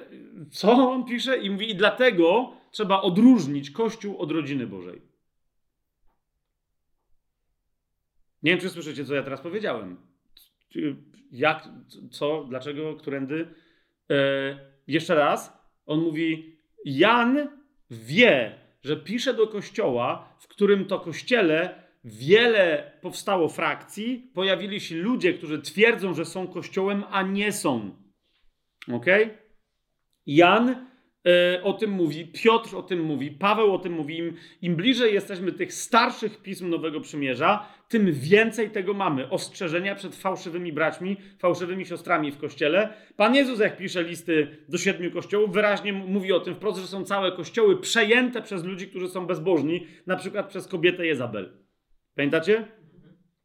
Więc Jan mówi: Ja piszę do tych, nie do tych, którzy się mienią być kościołem, nawet nie do tych, których prawdziwi bracia niechcący rozpoznają jako również prawdziwych braci. Ponieważ, rozumiecie, część tego listu duża pokazuje, jak rozpoznać prawdziwych braci i odróżnić ich od fałszywych, którzy mienią się być prawdziwymi, i Kościół z jakiegoś powodu zaczął mieć problem z tym rozróżnieniem. A Jan mówi: To jest kluczowe. Więc on, jednym z elementów tego jego języka jest, on pisze, mówi, ja piszę teraz do kościoła, który jest rodziną dzieci bożych. Ok? Pisze do rodziny Bożej, a nie do ludzi, którzy twierdzą, że są kościołem. Ponieważ prawdziwy kościół to jest rodzina Boża. Czy ma to sens, to teraz powiedzieć? Jeszcze raz, Vernon McGee to jest gość, od którego to zaczerpnąłem, ale bardzo mi się to spodobało. On mówi: adresatem tego listu nie jest Kościół. I teraz, oczywiście, że to jest Kościół, tak? Ale on mówi, idea Kościoła w momencie, kiedy Jan pisze swój pierwszy list, nie tylko pierwszy list, tak? Bo w następnych też to wychodzi, ale mówi, yy, idea Kościoła już wtedy jest tak, zaczyna być tak zdeformowana, że ludzie za, zaczynają sobie wyobrażać, że Kościół to jest coś, czym Kościół nigdy nie miał być i czym nie jest i czym nigdy nie będzie, a zaczęli to nazywać Kościołem. Nie? Ludzi, którzy rządzą innymi ludźmi, ludzi, którzy, yy, yy, którzy głoszą rozmaite dziwaczne historie i mówią, że wyznawanie tych historii to jest bycie kościołem i tak dalej, i tak dalej, i tak dalej. Nie. Jan przez samo zaznaczenie adresatów mówi, ja piszę tylko i wyłącznie do kościoła i już w tych adresatach pokazuje, co to jest kościół. Kościół to są ludzie, którzy mają ze sobą rodzinne relacje, a jest to rodzina Boga. Czy to jest jasne? Okej. Okay. Teraz, kochani, co to jest rodzina Boga i skąd my wiemy, że to jest e, adresat? I w tym sensie, e, jak pamiętacie, mówiłem, że na przykład listy Piotra są zaliczane do tak zwanych listów katolickich, tak? czyli listów powszechnych do całego Kościoła. Owszem, pierwszy list Jana jest takowym, tak? bo on nie ma konkretnego, tam są jakieś takie, wiecie... E, koncepcje, ktoś tam mówi, że nie, mamy jakieś tam historyczne e, donosy, że to Jan oryginalnie pisał do jakichś tam, e, do, do, do partów i do medów, ktoś tam inny, że coś, że nie adresatem są ci sami e, chrześcijanie żydowskiego pochodzenia, do których pisał Piotr i tak dalej, ale nie ma dowodu na to w tekście. Wiecie o co mi chodzi? Natomiast mamy dowód w tekście, że Jan pisze bardzo uniwersalnie do całego kościoła, ale mówi od razu z góry, kogo uważa za kościół. Tak? I teraz, kochani, e, jeżeli chcielibyście tu się, tu się zastanowić, no ale to będzie w takim razie bardzo surowe, bo to tego typu ton sugerowałby, że Jan e, wprowadził podział w kościele. Rozumiecie, bo, bo takie rozróżnienie, a wręcz takie, nie wiem, e, niektórzy mówią, że, że, że to jest paranoiczne rozumienie listu Janowego, że, że, pa, że gdyby Jan tak pisał, to by mógł wprowadzić paranoję do kościoła. Kochani, ja nie, nie wiem dlaczego nazywać chorobą psychiczną coś, co jest oczywistością, mianowicie e, chorobą psychiczną w kościele jest nieodróżnianie, czy nieświadomość, bo Słowo Boże pod tym względem jest jasne, e, nieodróżnianie ludzi, którzy, którzy w oczywisty sposób nie są nowonarodzeni, a więc nie stanowią części Chrystusa, i nierozróżnianie ich i nietłumaczenie im, że wy nie należycie do kościoła. Rozumiecie? Dlaczego ja mam przebywać z kimś, wprowadzać kogoś e, mistagogicznie w tajemnicę ducha, o którym ja wiem z całą pewnością, że nie jest nowonarodzony? Rozumiecie? A teraz mamy masę zgromadzeń, kościołów i tak dalej, które, które, dla których ważniejsze jest, żeby nie urazić uczestnika spotkań, nawet kosztem tego, że on będzie do śmierci przekonany, że jest nowonarodzony i może w tym przekonaniu umrzeć, a nigdy nie był. I co gorsza, niektóre nowonarodzone osoby o tym wiedziały, ale bały się tę osobę skonfrontować z tym faktem. Rozumiecie? Jan, co do tej kwestii i co do innych kwestii, e, e, niektórzy powiadają, że jest, że, że jest jeszcze bardziej polaryzujący niż Jezus. Nie? Y, są tacy komentatorzy, którzy nieco z przekąsem, ale powiadają, że nawet Jezus nie odróżniał tak bardzo czarnego od białego jak Jan. Światłości od ciemności, grzechu y, od świętości itd., tak itd. Tak Rozumiecie?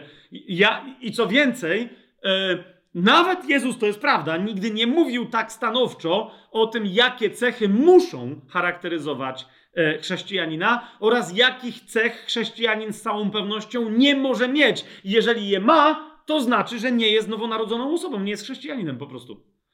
Rozumiecie? I teraz, jeżeli ktoś próbuje czytać list Jana tak, żeby czasem tych rzeczy, tej polaryzacji u Jana nie zobaczyć, to wtedy w ogóle nie przeczytał listu Jana, tylko coś udaje. Słyszycie, co, co ja teraz mówię? Nie? Więc rozumiecie, to jeżeli na wstępie Jan mówi, moimi adresatami są ci konkretni ludzie, a nie ludzie, którzy twierdzą, że są tymi adresatami, to tak, od samego tego sformułowania, do kogo ja ten list naprawdę kieruję, Jan rozpoczyna polaryzację. Jakby chciał powiedzieć, to jest dokładnie to, czego my dzisiaj w kościele potrzebujemy. Po prostu, bo się rozbrykało statko, ale nie Boże, tylko się dołączyło do statka, statko wilków, które się przebrały za owieczki i owce nawet jak widzą obok siebie, że te dziwne owce nie jedzą trawy, tylko jedzą inne owce, nadal nie reaguje. Jan mówi, ja reaguję. Ok? To jest, to jest tak, drugi rozdział, od 12 do 14 wersetu. Zobaczcie. Jan mówi, do kogo pisze. Nie? Ale popatrzcie, nie mówi do chrześcijan w Efezie, do chrześcijan w Krakowie, do Joli, do Gosi i do, i do Tymka. Nie, nie, nie mówi, nie, nie, nie, nie. Bo wtedy bardzo łatwo byłoby się, wiecie, przypisać geograficznie. No ja, ja jestem chrześcijaninem stąd, to jest list do mnie. Nie? Ale zobaczcie, 12 do 14 wersetu. Piszę do was, dzieci, bo zostały wam przebaczone grzechy ze względu na Jego imię. Czyli do kogo pisze, do, do kogo pisze Jan? Do wszystkich nowonarodzonych, ale na bazie czego? Do wszystkich nowonarodzonych na bazie żadnej swojej zasługi. Przyjrzyjcie się. Nie? Piszę do was, dzieci, ponieważ. Dlaczego mogę do was pisać? Jako do moich dzieci. Do dzieci Bożych, bo zostały wam przebaczone grzechy, ale ze względu na Jego imię. On wcześniej yy, yy, mówi o tym, że, o, że Jezus jest naszą przebłagalnią. Nie ma żadnej innej przebłagalni. Jeżeli wy jesteście wyznawcami, którzy na przykład mówią, że żeby być zbawionym, trzeba robić to czy to, dać się obrzezać, zachowywać jakieś reguły prawa i tak dalej, tak bo można utracić to zbawienie, mówi to fajnie, ale ja do was nie piszę. I wy nie jesteście tymi dziećmi, do których ja się zwracam. Piszę do was dzieci, ponieważ, czyli jaki jest warunek wstępny, żeby być odbiorcą, żeby być adresatem listu Janowego, trzeba być tym, komu grzechy zostały przebaczone ze względu na imię Jezusa. Amen? Dalej, pisze do was, ojcowie, bo poznaliście tego, który jest od początku.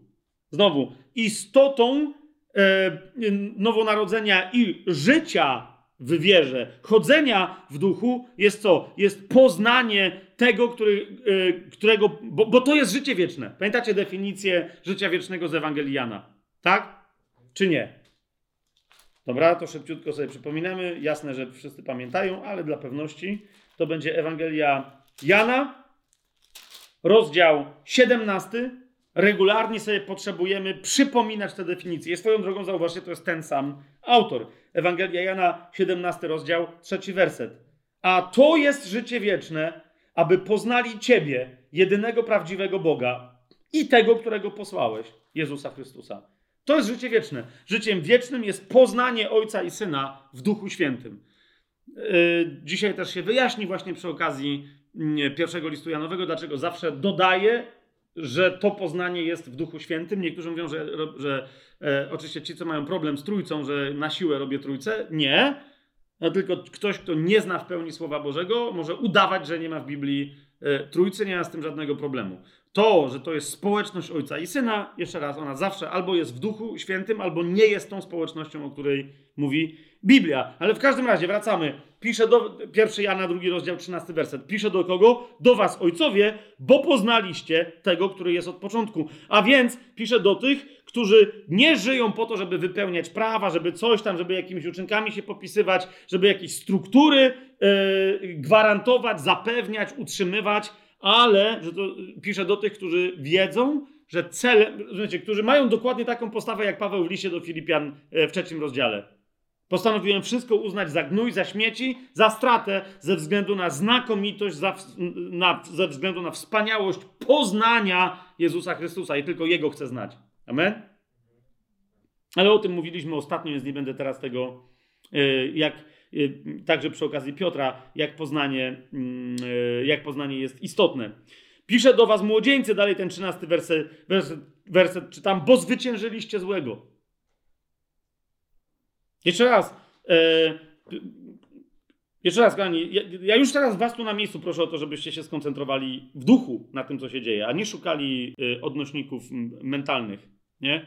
Bo jak nie, to, to z miejsca zrodzi w nas od razu opór, no nie? Ponieważ nie da się tego tekstu czytać nie w duchu, o to mi chodzi. Zawsze jak się jest duchową osobą. Tak? I teraz ym, spójrzcie na to. Jan mówi, ja piszę do ludzi, niektórzy, którzy dopiero się biorą za walkę duchową, nie wiem, czy zwróciliście na to uwagę, którzy dopiero będą się z czymś zmagać, którzy dopiero liczą, że mając zwycięstwo w Chrystusie, dopiero odniosą swoje. Popatrzcie, on mówi, ja nie piszę do starszych w wierze, czyli do ojców, ale do kogo piszę? Do młodzieńców w wierze którzy już wiedzą, że już zwyciężyliście złego. To jest tryb dokonany. Rozumiecie? Dalej, pisze do was, dzieci, wszyscy, i, i ci ojcowie, yy, i ci młodzieńcy są dzieciaczkami. Tak, pisze do was, bo poznałyście dzieci ojca. Po prostu. Tylko, rozumiecie, to jest autor, który, który dzieli się z nami informacją, tak? Że ojciec przez Jezusa powiedział: Tak długo jestem z wami, Filipie, jeszcze mnie nie poznałeś. Rozumiecie? On mówi: Pisze więc do tych, którzy mają poznanie większe niż choćby miał Filip w czasie ostatniej wieczerzy. Kapujecie? Ktokolwiek nie ma tego świadectwa, nie do niego pisze. I teraz, jak wy dostaniecie ten tekst w społeczności trzyosobowej, 30-osobowej, 300-osobowej, czyli większej, nie ma to znaczenia w całej denominacji. Jeżeli nie macie tego, to możecie czytać jak długo chcecie, ale to nie jest list do was. Czytacie cudzą korespondencję. Tak się nie robi. 14 werset. Napisałem do was, ojcowie, bo poznaliście tego, który jest od początku. Napisałem do was, młodzieńcy, bo jesteście mocni i Słowo Boże w was mieszka i jeszcze raz zwyciężyliście złego. Zauważcie, Jan, e, mówiąc innym, jeszcze e, nieco innym językiem, posługując się nieco inną nomenklaturą, mówi: Ja piszę tylko i wyłącznie do tych, którzy nie zdradzili nowego przymierza, którzy wyznają nowe przymierze i tylko i wyłącznie nowe przymierze i nie mieszają go ze starym. Pisze do tych nie tylko, którzy są nowonarodzeni, ale do tych, którzy będąc nowonarodzonymi są wierni przykazaniom, które nam Jezus zostawił i nie plączą ich i nie mieszają z innymi prawami, które nie mają niczego wspólnego z Chrystusem, bo On jest końcem wszelkiego innego prawa, z wyjątkiem prawa wolności, prawa królewskiego, którym jest On sam dla nas jako nowonarodzonych osób. Amen? To są adresaci. Teraz zobaczcie, teraz zobaczcie, e, dlatego w, całym tym liście zobaczycie, że będzie, będzie powiedziane, jest jedna rodzina Boża. Rodzina Boża to jest społeczność Ojca i Syna w Duchu Świętym, ale teraz chodzi o to, że my z nimi, przed wami mieliśmy, my zostaliśmy włączeni do tej rodziny i potem w każdym następnym pokoleniu, następne pokolenia są wcielane do tej rodziny. Ale teraz chodzi o to, czy ty, będąc w tej rodzinie, zachow zachowujesz wszystko to, czym ta rodzina żyje, czy jesteś wyrodnym dzieckiem, wnukiem, prawnukiem i tak dalej tej rodziny. Nie tych tradycji, tylko tej rodziny. Okay? To oznacza, że mając społeczność z ojcem i synem, czwarty rozdział sobie otwórzcie, e, bardzo was proszę. Rodzinę łączy miłość, tak? Rodzinę łączy miłość. E, a to oznacza, że, że społeczność, czy horyzontalnie, czy wertykalnie, jest tak samo połączona.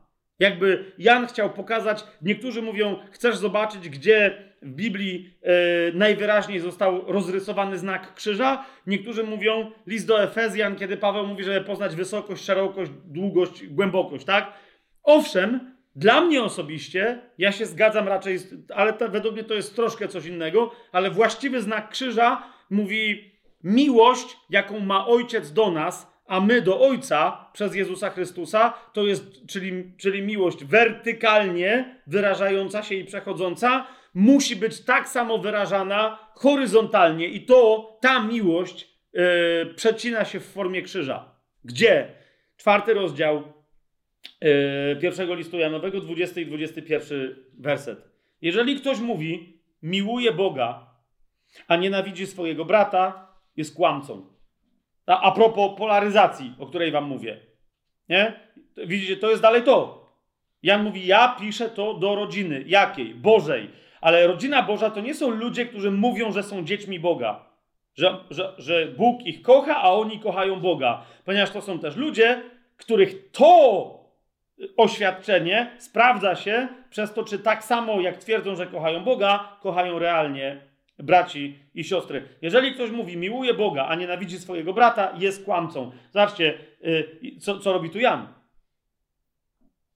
Znaczy, rozumiecie, że to jest. I, i teraz zrozumcie, zrozumcie, to nie, nie robimy, jakby, rozumiecie, tu bardziej hardkorowego oświadczenia niż, tu, niż tutaj rzeczywiście się znajduje. To jest dokładnie to, co on mówi.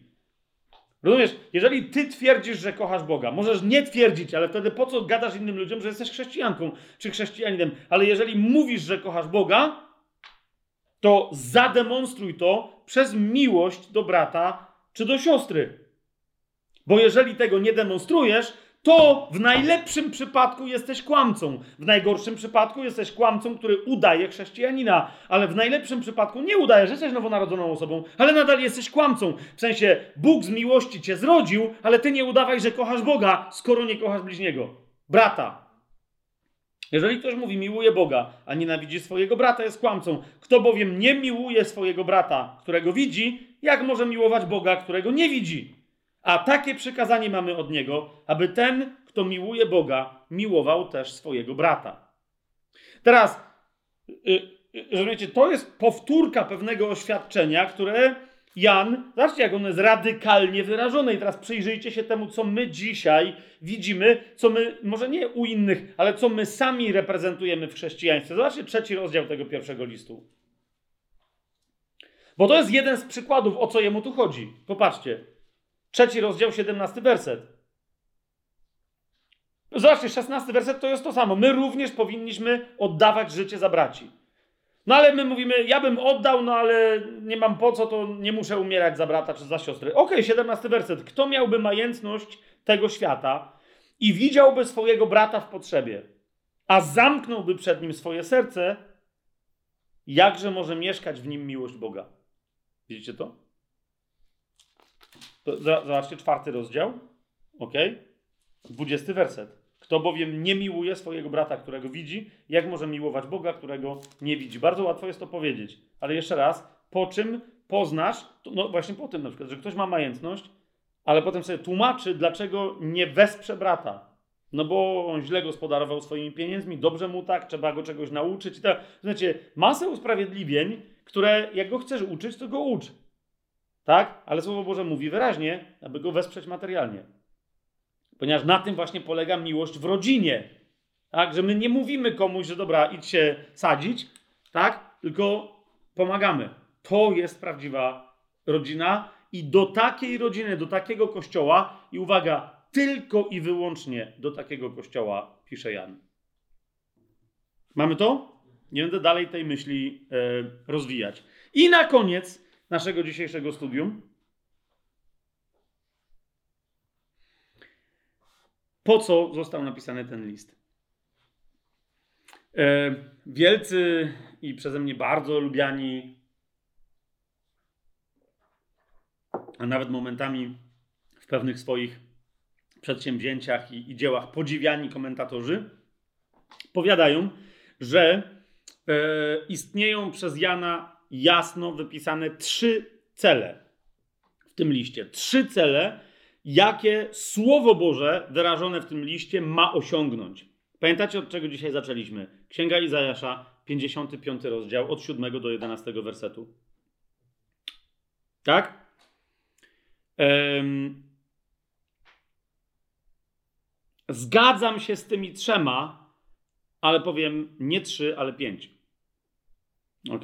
Nie trzy, ale pięć. Jeżeli podejdziesz do tego listu literalnie, ok? To rzeczywiście są trzy takie sformułowania, w których Jan pisze, po co pisze ten list. Sęk tylko w tym, że nie tylko w tych miejscach Jan mówi, po co pisze ten list, a w jednym z tych miejsc podaje dwa cele, a nie jeden. Więc dlatego mamy łącznie pięć. Ok? I teraz, kochani, moja propozycja przed następnym naszym spotkaniem jest jaka? Aby, kiedy zanim się spotkamy, nawet jeżeli już to zrobiliście sobie wcześniej, żeby przeczytać w ciągu najbliższego tygodnia, może dzień po dniu, może sobie zrobić przerwę, może coś, to jest tylko pięć razy przeczytać ten list, ale za każdym razem tak, jakby cel napisania tego listu był tylko jeden i, i za każdym razem wybrać sobie kolejny z tych pięciu. Czy to jest jasne, co ja teraz mówię? Tak? Cool. Teraz, dlaczego? Nawet nie, po, nie możecie czytać i jakby szukać, jakby co tu jest napisane, co miałoby pozwolić mi ten cel zrealizować. Tak? Ale pomódlcie się o to, żeby ten cel, który właśnie w tym momencie będziecie realizować, jakby zaczął być osiągany, albo nawet na jakimś etapie, żeby został w Twoim sercu i w Twoim życiu osiągnięty przez sam fakt przeczytania listu. Czyli rozumiesz, przeczytasz ten list i na końcu powiesz, nic więcej w tym temacie się nie dowiedziałam, czy nie dowiedziałem, nie? Ale czytając, pozwól Duchowi Świętemu działać w Tobie i potem zobacz, co się będzie działo przez następną dobę od czytania tego listu, przez następne 2-3 dni i tak dalej. Jasne? Jakie, y, jakich jest tych pięć E, celów napisania tego listu. Pierwszym celem jest wspólnota. Kochani, to jest ten cel, który zazwyczaj jest pomijany, tak? Bo zobaczcie, e, to jest pierwszy list Jana, pierwszy rozdział. W czwartym wersecie czytamy i wielu komentatorów mówi, to jest pierwszy moment, w którym jest napisane, po co jest, e, po co ten list został w ogóle stworzony. Piszemy to wam, aby wasza radość była pełna. Tak? Czwarty werset. Ale nie, Zobaczcie werset trzeci. To, co widzieliśmy i słyszeliśmy, to wam zwiastujemy, abyście i wy mieli z nami społeczność, a nasza społeczność to społeczność z Ojcem i z Jego Synem, Jezusem Chrystusem. Ok? Teraz ten list, właśnie na tym cała rzecz polega, że, nie, że, że w trzecim wersecie czytamy o zwiastowaniu, o głoszeniu Ewangelii, czy też o głoszeniu Słowa Bożego, a nie o pisaniu. Tak? Ale cały ten list, całe pisanie tego listu jest owym zwiastowaniem. Tak? Czyli o wszelkiego rodzaju ogólnie innym zwiastowaniu jest mowa w pierwszym i w drugim wersecie. Tak? Zwiastujemy, drugi werset. Zwiastujemy wam to życie wieczne, które było u Ojca, a nam zostało objawione. Tak? I teraz to, co robimy w tym liście, to jest nadal dokładnie to, co widzieliśmy i słyszeliśmy, to wam teraz zwiastujemy. Dokładnie w tych słowach. Po co? Abyście i wy mieli z nami tę społeczność, którą my mamy z kim? No nie ze sobą, tylko którą my mamy z Ojcem i z Jego Synem Jezusem Chrystusem. Jasne? Teraz, kochani, jeszcze raz posłuchajcie, co, co ja powiedziałem. Tak? Nie powiedziałem społeczność, tylko powiedziałem wspólnota. Ok? Dlaczego? Ponieważ to słowo ma określoną definicję i konkretne konotacje w Biblii. Społeczność jest związana ze, w języku polskim ze słowami takimi jak społeczeństwo na przykład, tak, zespolenie i tak dalej, i tak dalej. Wszystko fajnie, wszystko fajnie, tylko że tu mamy do czynienia z greckim wyrazem koinonia. Koinonia. A koinonia oznacza przede wszystkim wspólne posiadanie czegoś, tak? Albo też złożenie się na coś, co potem będziemy wspólnie posiadać. Czy to jest jasne? Tak? To jest wspólne posiadanie czegoś lub, uważajcie, wspólne uczestniczenie w czymś. Tak? Więc prędzej, e, przepraszam Was teraz za takie dziwne, ale chcę po prostu pobudzić, wiecie, w nas i duchowe, i intelektualne rozumienie właściwe tego określenia. Prędzej ja bym to przetłumaczył, pierwszy rozdział, trzeci werset. To, co widzieliśmy i słyszeliśmy, to wam zwiastujemy, abyście i wy mieli z nami spółdzielnie. I teraz, yy, bo widzicie, słowo spółdzielnia pochodzi od yy, staropolskich określeń wspólnie coś ze sobą dzielić, tak? I teraz zauważcie, oryginalnie spółdzielnia to było właśnie na przykład złożenie się, niekoniecznie pieniężne, ale na przykład włożenie wysiłku fizycznego, przyniesienie materiałów i tak dalej, żeby co? Żeby zbudować osiedle mieszkaniowe, tak? Typu jakąś wioskę. I teraz ona o, oryginalnie bywała nazywana w staropolskim języku spółdzielnią, tak? Jeżeli, jeżeli to było coś, jakaś na przykład rodzina yy, zajęła jakieś terytorium i oni zbudowali tam razem, rozumiecie, jeden wiedział jak się tnie drzewa w lesie, jak się z nich robi deski, jak się suszy to drewno, tak? I teraz on dostarczał to drewno na wszystkie domy, ale to nie były wszystkie jego domy. Tylko to było jasne, że inni się znali na tym, jak się robi strzechy i tak dalej, i tak dalej. A więc powstawało 7 domów, czy 15, każdy miał swój dom, tak? Ale jakby wszyscy mieli współudział w zrobieniu domów innych ludzi, więc się jakby złożyli tym, że pracowali wspólnie, dawali materiały i tak dalej, złożyli się na to, że inni mieli jakąś swoją część w tym wspólnym dziele. Czy to jest jasne? Tak? Teraz dlaczego yy, to jest, kochani, istotne? Ponieważ yy, nie chodzi o jakieś abstrakcyjne określenie, tak? Co jest celem napisania tego listu? Jest wspólnota nasza z Bogiem, tak? I zaraz sobie przejdziemy, ja podam tylko parę przykładów zastosowania tego wyrazu, żebyśmy, czyli co konkretnie?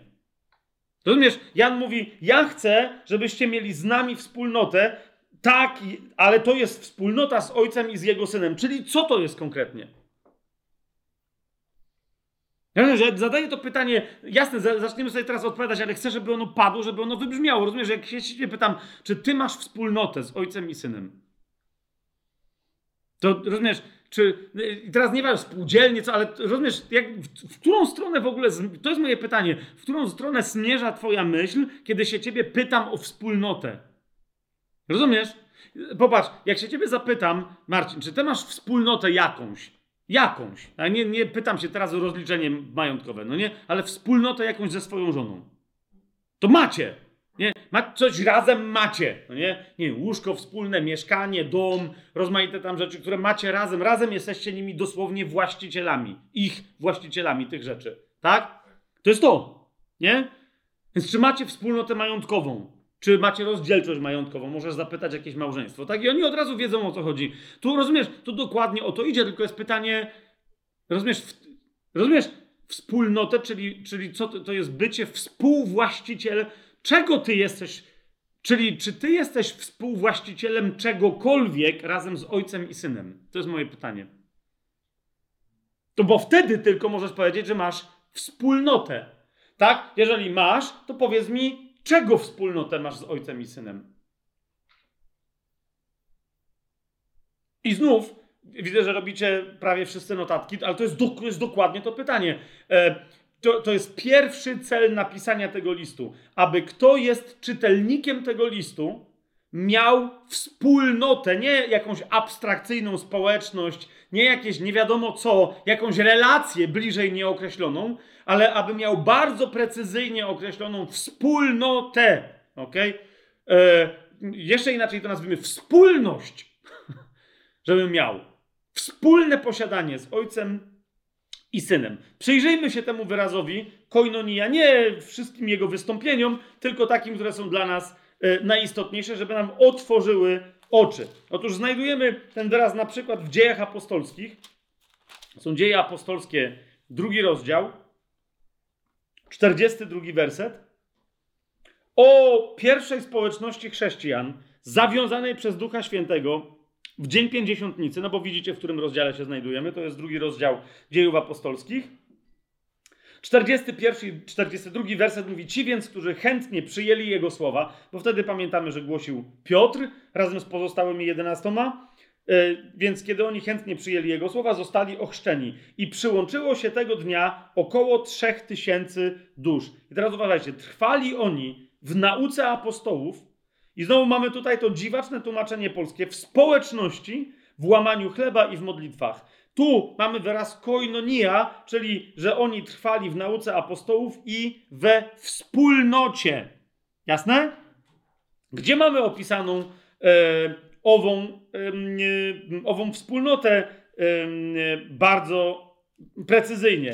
Otóż, kochani, jak sobie otworzymy e, czwarty rozdział dziejów apostolskich, to on nam wprost o tym mówi. To jest czwarty rozdział, 32 y, werset. I dalej. A to mnóstwo wierzących miało jedno serce i jedną duszę. Zauważcie. Y, I niektórzy, co ciekawe, znam takie nauczania, że tu się zatrzymują. I mówią, to ta wspólnota, współudział w czymś oznacza, że wszyscy mieli to samo serce i to samą duszę. Fantastycznie, ale czym to się wyrażało? Dusza się zawsze musi wyrazić materialnie, zawsze musi się wyrazić, wyrazić fizycznie, zawsze się musi wyrazić cieleśnie. Czy rozumiecie to? Więc jeżeli mieli jedno serce i jedną duszę, to co to oznacza? Otóż czytamy, to mnóstwo wierzących miało jedno serce i jedną duszę. Nikt nie nazywał swoim tego, co posiadał, ale wszystko mieli wspólne.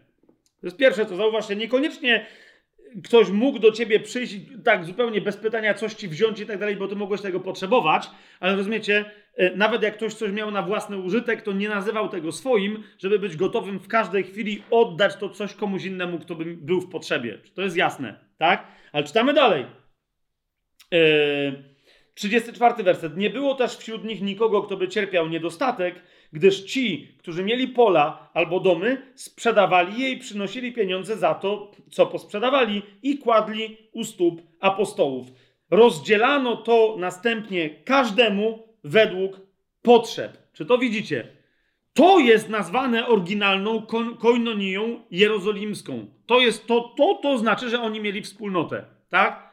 Teraz, rozumiecie, oni gdzieś musieli mieszkać. Po domach łamali, yy, łamali chleb.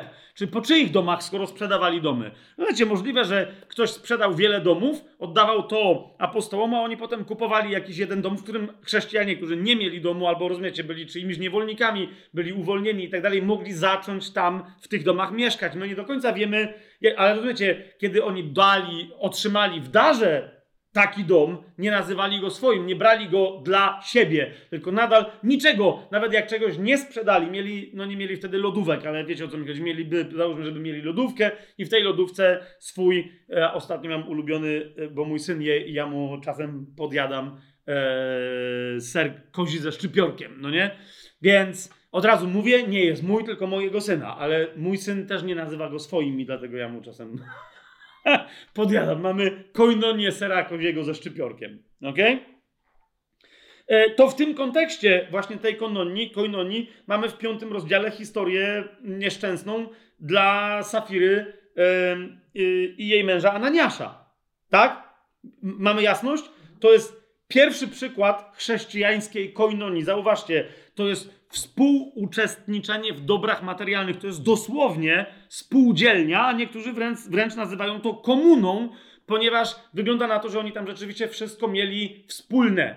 Tak? Tyle tylko, że mając wszystko wspólne, nie posługiwali się następnie tą wspólną rzeczą, jakby była ich, psując całej reszcie, tylko nikt niczego nie nazywał swoim. Co, rozumiecie, było wyrazem miłości braterskiej, braterskiej i siostrzanej, bo nawet jak ktoś z czegoś korzystał, to pamiętając o tym, że w każdej chwili ktoś inny może tego potrzebować, a więc wszyscy o wszystko prawdziwie dbali i jest to konkretny wyraz miłości, zgodzicie się, tak? Idźmy dalej, idźmy dalej. W liście do Rzymian, to będzie y, interesujące w 15 y, rozdziale,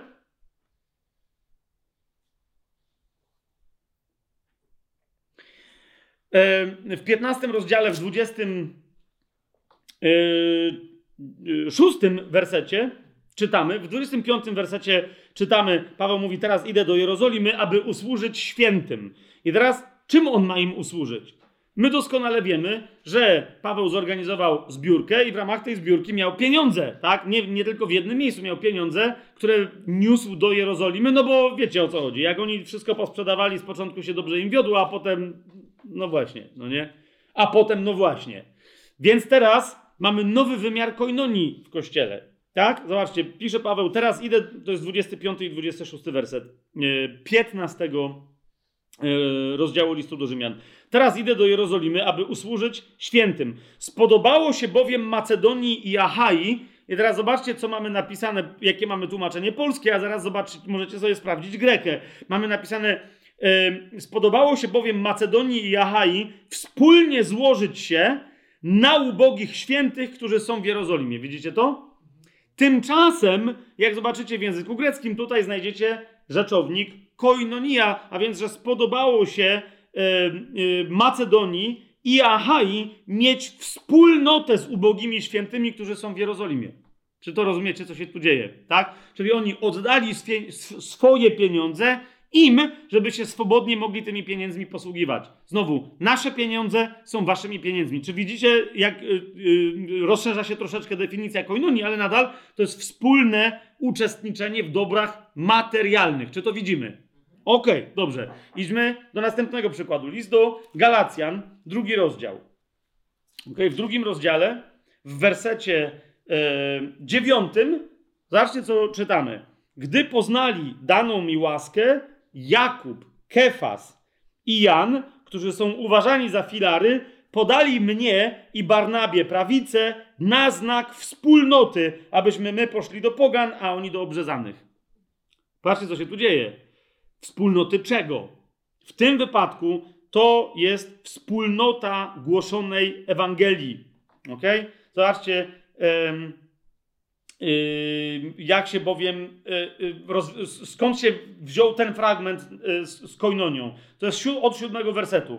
Gdy widzieli, że została mi powierzona Ewangelia wśród nieobrzezanych, jak Piotrowi wśród obrzezanych, ok? Potem tu widzicie, że mamy wtrącone zdanie, ósmy werset, więc przeczytajmy to zdanie bez tego wtrącenia, żebyśmy mieli klarowność. To jest siódmy i dziewiąty werset.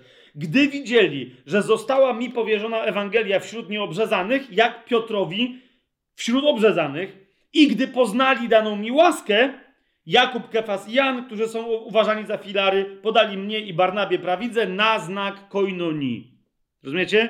To jest koinonia, a więc współudział w tej samej Ewangelii i w tej samej łasce, tyle tylko, że z innym zwrotem. Tu jest zwrot do nieobrzezanych, a tam jest zwrot do obrzezanych. Czy to jest jasne?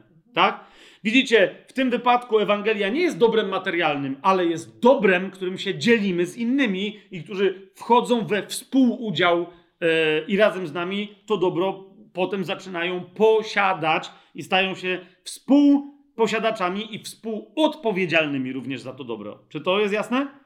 Mamy poszerzenie znowu definicji słowa koinonia i poszerzmy sobie tą definicję jeszcze nieco, żebyśmy zobaczyli, o co chodzi y, Janowi, który mówi, pisze, żebyście mieli koinonię. Ok?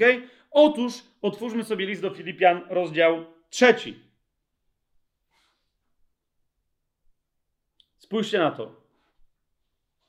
W rozdziale trzecim, w wersecie ósmym, Paweł pisze: Owszem, wszystko uznaję za stratę dla znakomitości poznania Chrystusa Jezusa, mojego Pana dla którego wszystko utraciłem i uznaję to za gnój, aby tylko zyskać Chrystusa. Widzicie to? Ale tu nie ma słowa koinonia. Tylko co to znaczy zyskać Chrystusa? Dziewiąty werset. Znaleźć się w Nim. Co to znaczy? Otóż w dziesiątym wersecie, zobaczcie, on tam mówi, co to dla niego znaczy. To znaczy poznać Jego, moc zmartwychwstania Jego oraz moją koinonię z Jego cierpieniami, upodabniając się w ten sposób do Jego śmierci. Widzicie to? Mam poznać Jego, mam poznać moc Jego zmartwychwstania oraz mieć współudział w Jego cierpieniach. O, to jest konkretne. Teraz zauważcie, koinonia jest zawsze współudziałem w jakimś dobru. Nie? Nie możesz mieć koinonii w, w, w, w czymś, co jest złe, ponieważ to nie jest konstruktywne to niczego nie buduje. A on tutaj mówi o swoim współudziale, o koinonii z cierpieniami Chrystusa. Widzicie to? Nie mówi tego, zauważ, nie mówi nic o koinonii z mocą Jego zmartwychwstania. Ona ma działać we mnie, ale ja mam mieć to, co miał Jezus na krzyżu. W jakimś stopniu, w jakiejś formie, aby móc Go znać. Muszę mieć koinonię e, z Nim w Jego cierpieniach. Jasność? To i, więc teraz jeszcze raz spójrzcie sobie na słowo koinonia. Co, znaczy, co to znaczy mieć wspólnotę? To znaczy mieć to samo, co ktoś drugi. Jasne? I mieć z tym drugim, nie to, jeszcze raz, nawet nie to samo. Mieć z kimś drugim to samo.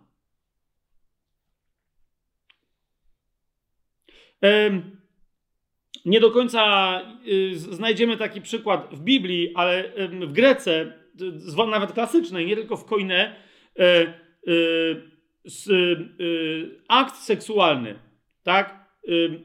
Czyli pożycie seksualne małżeńskie było nazywane koinonią również. Wiecie o co idzie? Kiedy się jedna osoba kocha z drugą osobą fizycznie, to wtedy mają ze sobą wspólnotę, tak? Współdzielni mają wtedy ze sobą. Nie? No bo współdzielą to samo łoże. Fizycznie e, dzielą się ze sobą swoimi ciałami. Tak? Koinonia zawsze oznacza, nie że, rozumiesz, jak Jezusa pobili, to teraz ciebie pobiją. To nie o to chodzi. Nie? Chodzi o to, żeby mieć razem z Nim to samo. Kiedy On to ma, w tym samym czasie, w tym samym miejscu, a nie żeby tą samą rzecz powtarzać. Ma to sens, co ja teraz gadam? Ma to sens, co ja teraz, co ja teraz mówię? Krótko mówiąc, ciężko się kochać ze swoją żoną, kiedy się kochasz z inną babą. To jest zdrada, to nie jest koinonia. Jasne? To, że to jest ten sam akt, czyli że to jest akt seksualny, nie oznacza, że, no właśnie, to nie jest, to nie jest wspólnota, to jest właśnie zerwanie tamtej wspólnoty. Rozumiecie, o, o, o czym, o czym mówię? To, to samo tutaj. E, społeczność miała Achaja, czy Macedonia z Jerozolimą w momencie, kiedy im przekazali swoje pieniądze, czy część swoich pieniędzy, żeby tamci z nimi zrobili co, co chcą, żeby je przeznaczyli na swoje potrzeby. Jasne? A, a teraz to, że my przeznaczamy pieniądze tak samo jak Achajczycy, yy, Achajowie, Grecy, krótko mówiąc, i Macedończycy, że my robimy to samo, to nie znaczy, że my mamy wspólnotę z tamtym kościołem jerozolimskim. My dzisiaj możemy mieć wspólnotę, nie wiem, z kościołem e, syryjskim czy z, z, kościołem perskim w Iranie. Wiecie o co mi chodzi? Tak? Ale to jest nasza koinonia dzisiaj, tutaj, tak? Więc to jest pierwsza rzecz, gdy chodzi o koinonię, że masz wspólnie z inną osobą albo z innymi osobami, wspólnie e, bierzesz udział w tej samej rzeczy albo masz razem z nimi tę samą rzecz. Jasne? Dobrze. I teraz, kochani, przyjrzyjmy się jeszcze jednej rzeczy, mianowicie że pierwowzorem koinonii, no właśnie, jest co? Zobaczcie, otwórzmy sobie pierwszy list do Koryntian. Pierwszy rozdział.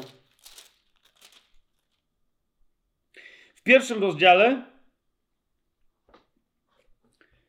w dziewiątym wersecie, yy, Paweł nam mówi wyraźnie, że to jest nasze powołanie. To jest koinonia z Jezusem. We, Paweł w liście do Filipian mówi, że on chce mieć, wiecie, koinonię w jego, ale patrzcie, co tu mówi. Pierwszy rozdział, pierwszego do Koryntian, dziewiąty werset. Wierny jest Bóg, przez którego zostaliście powołani do czego? Do koinonii Jego Syna, Jezusa Chrystusa, naszego Pana. I teraz zwróćcie uwagę, nie do koinonii z Jego Synem, ale do koinonii Jego Syna. Czy to widzicie? Tak? Co jest koinonią, co jest koinonią e, Jego Syna? Po pierwsze, jeszcze tylko tak, żebym podkreślił, w drugim liście do, do Koryntian, spójrzcie, drugi list do Koryntian, e, szósty rozdział, e, który też posługuje się określeniem mm, e, koinonia. Drugi list do Koryntian, szósty rozdział, to będzie czternasty werset. Powiada nam, nie wprzęgajcie się w nierówne jarzmo z niewierzącymi. Co bowiem wspólnego ma sprawiedliwość z niesprawiedliwością, albo jaka jest koinonia między światłem a ciemnością. Widzicie o co mi chodzi? E, są pewne rzeczy, które wykluczają możliwość wspólnoty, wspólnego posiadania czegoś. Nie może mieć wspólnoty światłość z ciemnością, bo jedno wyklucza drugie. Jasne? Więc nie mam, nie możliwości, żeby nazywać e, wspólnotą prawdziwą e, przebywanie, zwróćcie uwagę, kogo? Wierzącego z niewierzącym. Widzicie to tutaj? I teraz pomyślcie, jaki problem więc zaadresował Jan kiedy mówi, że celem jego listu jest, abyście mieli wspólnotę.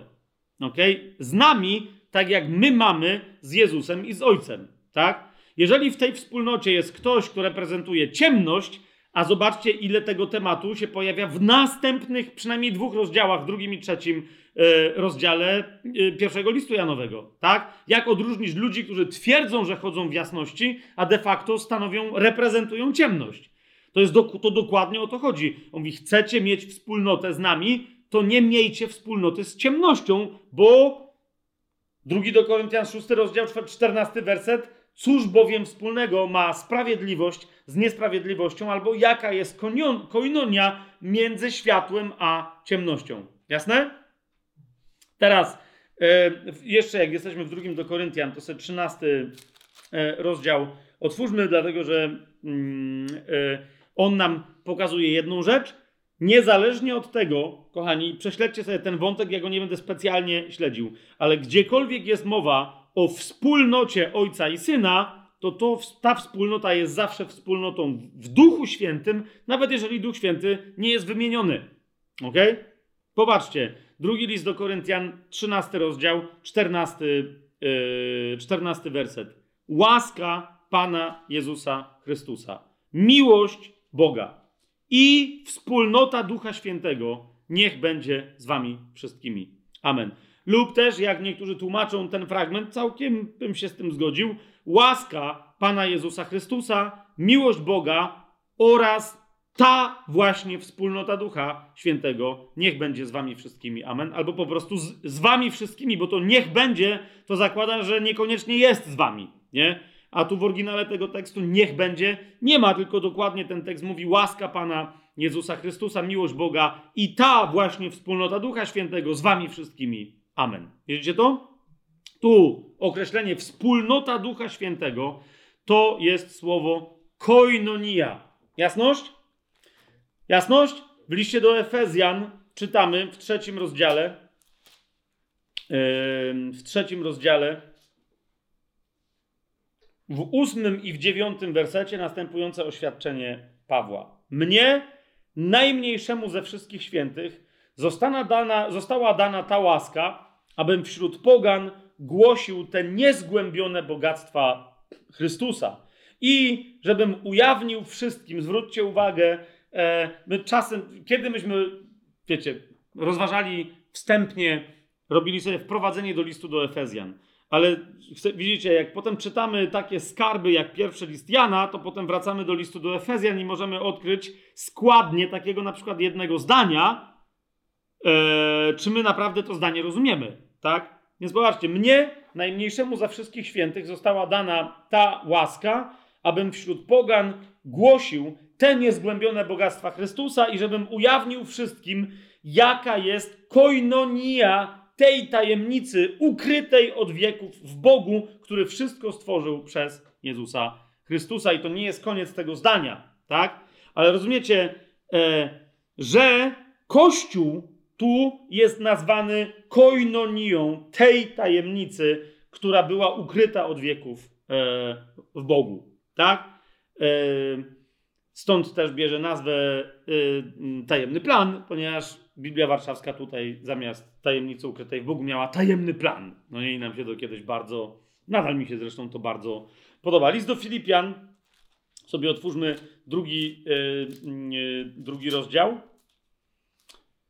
W liście do Filipian, spójrzcie, w drugim rozdziale, w pierwszym wersecie, wzywa Paweł i mówi: Jeżeli więc jest jakieś pocieszenie w Chrystusie, jeżeli jest jakaś pociecha miłości, jeżeli istnieje jakaś koinonia ducha, i tak dalej, i tak dalej. Widzicie to?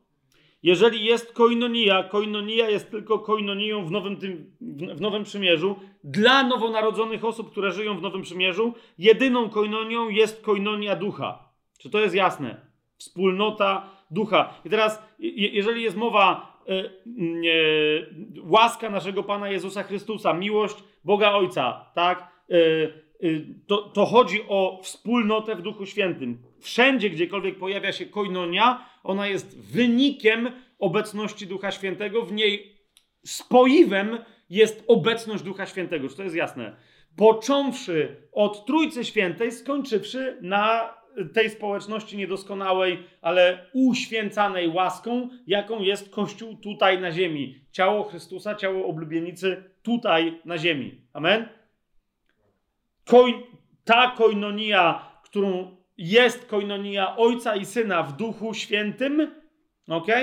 Wieczna, przedwieczna, przez wieki, na zawsze, która będzie istnieć. Ona się wyraziła na ziemi w momencie, kiedy dopiero Duch Święty zszedł na ziemię, zauważcie, on dopiero e, dał możliwość ludziom wejścia w autentyczną koinonię ze sobą nawzajem. Dlaczego? Bo zaczęli uczestniczyć każdy indywidualnie w koinonii Boga, yy, którą On jest, tak? Cała tajemnica Trójcy Świętej to jest tajemnica koinonii. Zauważcie, Bóg jest jeden ale Bóg jest wspólnotą trzyosobową, potrójną. Nawet ten temat trzyosobowości to jest potem kwestia, czy się rozumie osobę na sposób e, persony e, według filozofii greckiej, czy się ją rozumie na sposób hebrajski. Nie będziemy teraz tego rozważać, bo kwestia trójcy jest, jest, jest jednak bardzo złożona. Musimy cały czas pamiętać, że Bóg jest jeden, a często niechcący robimy z Boga e, bogów trzech. Okay? Teraz więc, kochani, wróćmy sobie do naszego pierwszego, e, pierwszego listu e, Jana Apostoła, jak już sobie wyjaśniliśmy, co to jest koinonia. Ok? Pierwszy list Jana Apostoła, pierwszy rozdział, trzeci werset. Po co został napisany ten list? Abyście i wy mieli z nami koinonię, a koinonia nasza to jest koinonia z Ojcem i z Jego Synem Jezusem Chrystusem, która oczywiście jest koinonią w Duchu Świętym. Tak? To jest koinonia czego, kochani? To jest koinonia czego? I teraz, jeżeli otrzymujesz w duchu dar tej koinonii, to wtedy wiesz, czego to jest koinonia. Podsunę wam tylko jedną z oczywistych myśli. Przez cały ten list dowodem tego, że jesteś w koinonii, według Jana, jest miłość. Ok? I teraz trudno, żeby było inaczej, skoro imieniem, które ujawnia całemu światu, a przynajmniej wierzącemu światu chrześcijańskiemu, prawdziwym imieniem Boga, jakie Jan w tym liście ujawnia, jest miłość. Ok? Pierwszy list Jana, yy, czwarty rozdział, szesnasty werset. Bóg jest miłością. Ok? Bóg jest miłością. Albo to jest imię, albo to jest określenie jego natury, co w Biblii na to samo wychodzi, ponieważ natura jest tożsamością, a tożsamość wyraża, wyraża się imieniem. Krótko mówiąc, Bóg równa się miłość. Miłość równa się Bóg.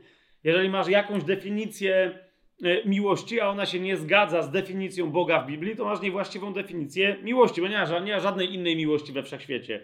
Jeżeli e, masz jakąś definicję Boga, a ona się nie zgadza z definicją miłości w Biblii, którą zademonstrował Jezus, to jeszcze raz masz niewłaściwą definicję Boga i tak dalej, tak? Ale mieć koinonię, mieć wspólnotę oznacza mieć wspólnotę miłości, doświadczać miłości i dawać miłości. To jest nasze dobro wspólne, za które jesteśmy y, um, um, wspólnie odpowiedzialni. Pierwszy list Jana, czwarty rozdział, dziesiąty i jedenasty werset. Na tym polega miłość, że nie my umiłowaliśmy Boga, ale że On nas umiłował i posłał swojego Syna, aby był przebłaganiem za nasze grzechy. Umiłowani, jeśli Bóg tak nas umiłował, to i my powinniśmy siebie wzajemnie miłować. Widzicie to? Nikt nie widzi. Doskonale. Ale to nie jest jedyna kwestia, bo teraz, e, więc widzisz, to jest pierwszy cel, abyśmy mieli wspólnotę. Po pierwsze, abyśmy byli włączeni do wspólnoty, która oryginalnie była wspólnotą tylko i wyłącznie Ojca i Syna i Ducha Świętego. Swoją drogą genialnie nazwaną wspólnotę e, w pierwszym liście Jana w piątym rozdziale. Zobaczcie sobie siódmy werset. Trzej bowiem świadczą w niebie, Ojciec, Słowo i Duch Święty, a ci trzej są jedno. Ok? Słynna koma Johanneum, ale nie będziemy teraz tego Y, do tego się w ogóle e, w żaden sposób, e, w żaden sposób odnosić. I teraz, kochani, e, to jest pierwszy cel napisania tego listu, tak? Żeby mieć taką wspólnotę, współudział w tym, co ma Bóg, i żeby ten współudział wyrażał się współudziałem z innymi, którzy mają ten sam współudział z Bogiem. Tak? Widzicie to? Pierwszy rozdział, trzeci werset abyście i wy mieli z nami wspólnotę, a nasza wspólnota jest z Ojcem i z Jego Synem Jezusem Chrystusem. Jasność? Teraz y, tylko, żeby wam pokazać, z jakimi to się tematami wiąże, zobaczcie szósty i siódmy werset. Jeżeli mówimy, że mamy z Nim społeczność, wspólnotę, a chodzimy w ciemności, kłamiemy i nie czynimy prawdy. A jeżeli chodzimy w światłości, tak jak On jest w światłości, mamy wspólnotę między sobą, a krew Jezusa Chrystusa, Jego Syna, oczyszcza nas z wszelkiego grzechu. Rozumiecie? To jest, to jest krzyż cały czas. Pierwszy list Jana jest nieustającym objawieniem krzyża jako wyrazu miłości i miłości, która się krzyżuje, tak? To, jak Bóg kocha nas i jak my możemy kochać Boga, ta linia zawsze krzyżuje się z tym, jak my możemy kochać innych innych i jak inni kochają i mogą kochać nas w kościele. Czy to jest jasne? Tak? Jeżeli nie masz jednego, czyli nie masz belki pionowej, to nie masz też poprzecznej. Jeżeli masz jakąś poprzeczną, e, nie masz poprzecznej, to nie masz też pionowej. I, I, w jedną, i w drugą stronę. Po prostu. Tak? Jak masz jedną, to znaczy, że masz drugą. Jak ktoś twierdzi, że ma obydwie, a widzisz, że któraś z tych dwóch belek jest jakby lekko mglista i niewyraźna, znaczy, że jej tam pewnie nie ma. Wziął se z papieru narysował. To ta druga pewnie też jest udawana. Jasne? Jan mówi, jak masz jedną, to masz drugą. Jeżeli którejś z nich nie masz, to nie masz żadnej. Po prostu nie ma możliwości takiej, żeby mieć jedną z dwóch. Ok? Teraz to, czego my potrzebujemy, to jest nasza społeczność, wspólnota ok? z Bogiem, ale jeżeli my chcemy ją osiągnąć bez wspólnoty z braćmi i siostrami, to jesteśmy absolutnie zaraz na wstępie w błędzie, z Boga robimy kłamce, sami stajemy się kłamcami i nie czynimy, jak, jak mówi Jan, prawdy. Jasne? Więc to, yy, pamiętajcie, wspólnota yy, u Jana oznacza wspólnotę Bożą, która się rozlewa, czyniąc wspólnotę ludzką. Ale one są tożsame w Kościele. Jasne? To jest pierwszy cel. Teraz dobrze jest przeczytać sobie cały ten list pod tym kątem. Nie? Czyli pomodlić się, Panie, daj mi, daj mi owoc ten, daj mi osiągnąć ten cel. Nawet jak ja go już mam w tym, yy, już jakoś osiągnięty, pozwól mi go pogłębić, poszerzyć, pomnóż owoce tego celu w moim życiu. Rozumiecie? I czytasz cały ten list, tylko i wyłącznie szukając tego owocu. ok?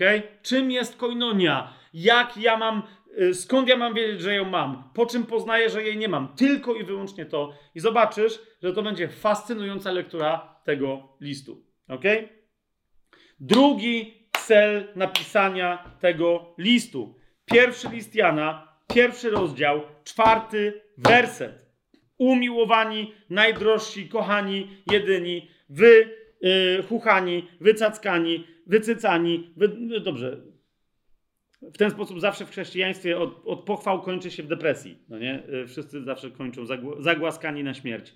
Yy, jak chore koty. Nie ma, nie ma lepszego lekarstwa na depresję realnie w Biblii, jak pierwszy list Jana.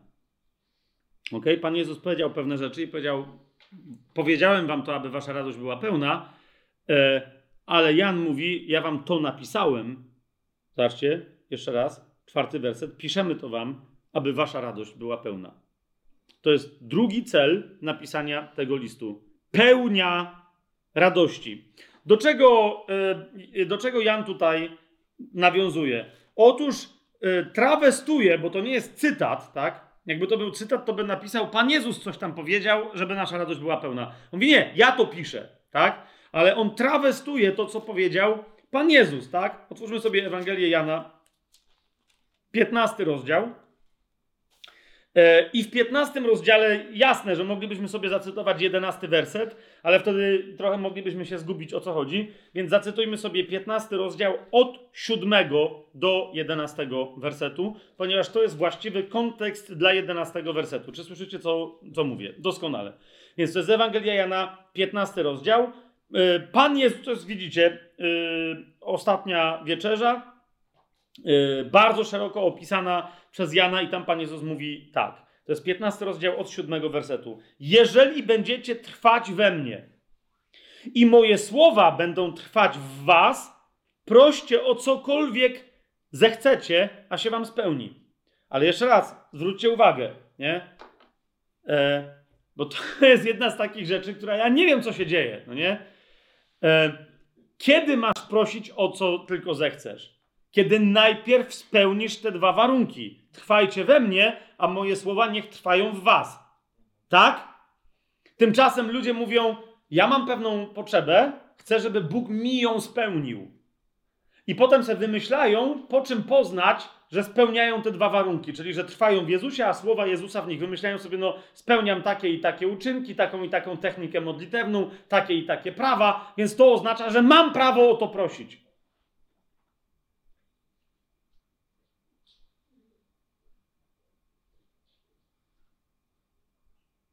Jest odwrotnie.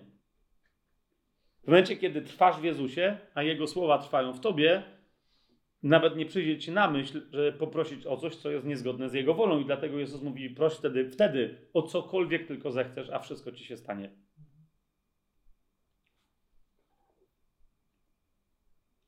Więc, jeżeli będziecie trwać we mnie i moje słowa będą trwać w was, proście o cokolwiek tylko chcecie, a się wam spełni.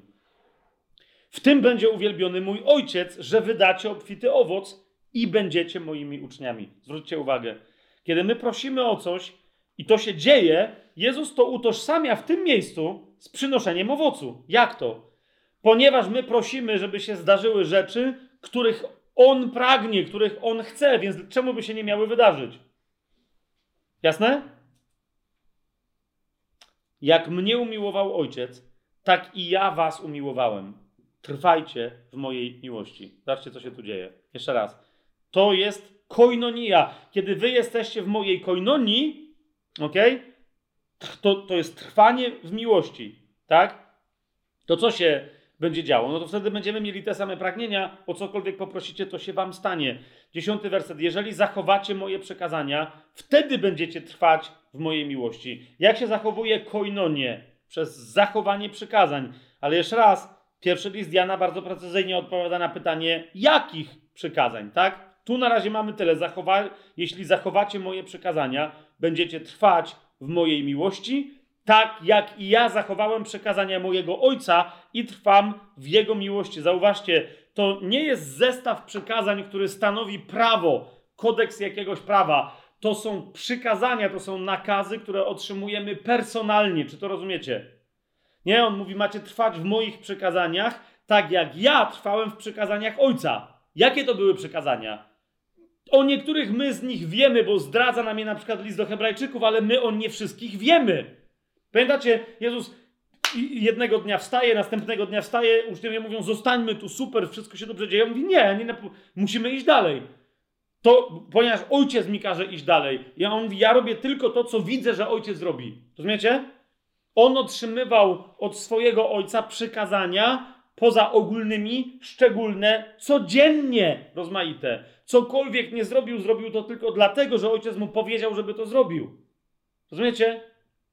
Dlaczego on wskrzesił łazarza? Bo mu ojciec powiedział, żeby go wskrzesił.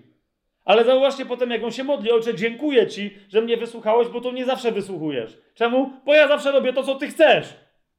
Czemu byś mnie miał nie wysłuchiwać? To jest dokładnie, rozumiecie, wskrzeszenie łazarza to jest to. Jezus nie robi se co chce, a ojciec po prostu jest dla niego uprzejmiejszy niż dla nas, tylko Jezus żyje. Dla niego pokarmem jest pełnienie woli ojca. I dlatego ojciec spełnia wszystkie jego prośby, ponieważ on robi dokładnie to, co ojciec chce. Rozumiecie, o co mi idzie? Koło błogosławieństwa w odróżnieniu od koła przekleństwa. I teraz zauważcie, te wersety od 7 10 Jezus powiedział, i on mówi, jak, jak dał nam przykład, rozumiecie, wzor, wzór, tak, matematyczny. Nie wiem, programiści tu siedzą, więc wiele o co mi chodzi. Kod nam dał, kod szczęśliwego życia. On tu dokładnie powiedział, co mamy robić. Trwać w Jego miłości, koinonia. Jak? Ja w was, e, wy we mnie, moje słowo w was. Zachowywać moje przykazania. I teraz w momencie, kiedy my to mamy, co się będzie działo? Będziemy żyć w pełni radości. Zauważcie jedenasty werset. To wam powiedziałem, mówi Jezus, aby moja radość trwała w was. Zobaczcie, nowa koinonia. Nie? Mamy z Jezus, kiedy mamy z Nim koinonię miłości, wówczas mamy koinonię jedności woli, wówczas mamy koinonię radości. Jego radość jest szaleńcza, jest pełna. Niczego mu nie, nie brakuje w jego radości, a nasza będzie nie taka sama jak jego. My się będziemy cieszyć jego radością. To wam powiedziałem, aby moja radość trwała w was i aby wasza radość była pełna. Znaczy, kiedy my, bo zobaczcie, to wam powiedziałem, aby moja radość, czyli super, ponieważ Jezus to powiedział, to już my będziemy mieli radość? Nie. Teraz to wam powiedziałem, ale zobaczcie, od czego się zaczyna. Jeżeli będziecie trwać we mnie, siódmy werset, a moje słowa będą trwać w was.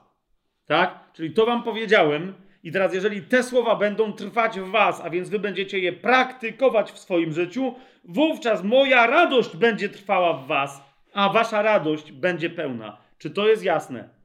Tak? To jest to. To jest pierwszy moment, w którym Jezus mówi wyraźnie i do którego nawiązuje Jan w swoim pierwszym liście, kiedy mówi, aby wasza radość była pełna. Gdzie jest yy, drugi ten fragment? To jest yy, to samo zdarzenie, ostatnia wieczerza, Ewangelia Jana, 16 rozdział, werset 24. Ale widzicie, kontekstem jest ten 15 rozdział, który przeczytaliśmy i który ja uznałem za konieczne, aby nieco wytłumaczyć. Ponieważ tu czytamy tylko, i to jest forma powtórzenia, 16 rozdział, 24 werset, dotąd o nic nie prosiliście w moje imię. Proście, a otrzymacie, aby wasza radość była pełna. Zauważcie, jak wiele razy na różne sposoby ten fragment bywa manipulowany, przekręcany i na jego podstawie się wymyśla jakieś teologie. Jeszcze raz, tu Jezus mówi proście w moje imię, ale co ma na myśli? Ma na myśli 15 rozdział, wersety od 7 do 11 przynajmniej. Mamy zgodę w tej, w tej, w tej kwestii? Wie, wiecie o co, o co mi idzie? Co jest to? Więc podstawą jest 15 rozdział, wersety 7-11, ale Jezus potem jeszcze raz mówi: Owszem, w momencie, kiedy będziecie wierni woli Bożej, tak jak ja byłem, mojemu słowu, moim przykazaniom, które się wyrażają w moim słowie, wówczas proście o cokolwiek tylko chcecie, ponieważ będziecie wiedzieli, czego w ogóle chcieć. To się wam będzie działo, a wówczas wasza radość będzie pełna. Nie możecie żyć pełnią radości, jeżeli w swoim życiu chcecie pełnić swoją wolę, a nie moją. Po co wtedy w ogóle być chrześcijaninem? Szukajcie przyjemności i radości na inne sposoby. I teraz, kochani, zanim wrócimy sobie do tego pierwszego listu Jana, e, chcę Wam przypomnieć o czym, e, co tylko liznęliśmy w pewnym momencie, ale zauważcie, jak wielu rzeczy jeszcze nie zrobiliśmy, e, gdy chodzi o literaturę Piotra. Tak? Otwórzmy sobie pierwszy list Piotra, pierwszy rozdział, mm, e, ósmy werset którym to Piotr mówi o nas i o naszej relacji z Panem Jezusem. Mówi tak, a chociaż go nie widzieliście, to go miłujecie. I w niego, choć teraz go nie widzicie, wierzycie. i cieszycie się radością niewysłowioną i pełną chwały. Yy, bym powiedział, jeżeli chrześcijanie dzisiaj się cieszą radością niewysłowioną i pełną chwały, no to tylko mam nadzieję wtedy, że ich wiara jest lepsza od tej radości. Bo jeżeli nie, to znaczy, że jesteśmy kompletnie niewierzący.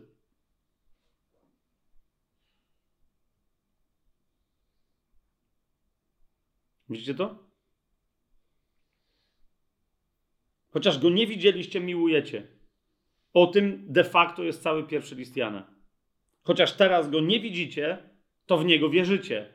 Na pewno. To, że my sobie coś mówimy, że my jesteśmy wierzący, że coś tam, rozumiecie, jakieś kłótnie o, o, o, o doktrynę, jakieś tam rzeczy, wszystko fantastycznie, ale czy masz w swoim życiu taki owoc? Cieszenia się radością niewysłowioną i pełną chwały. Chociaż co jakiś czas.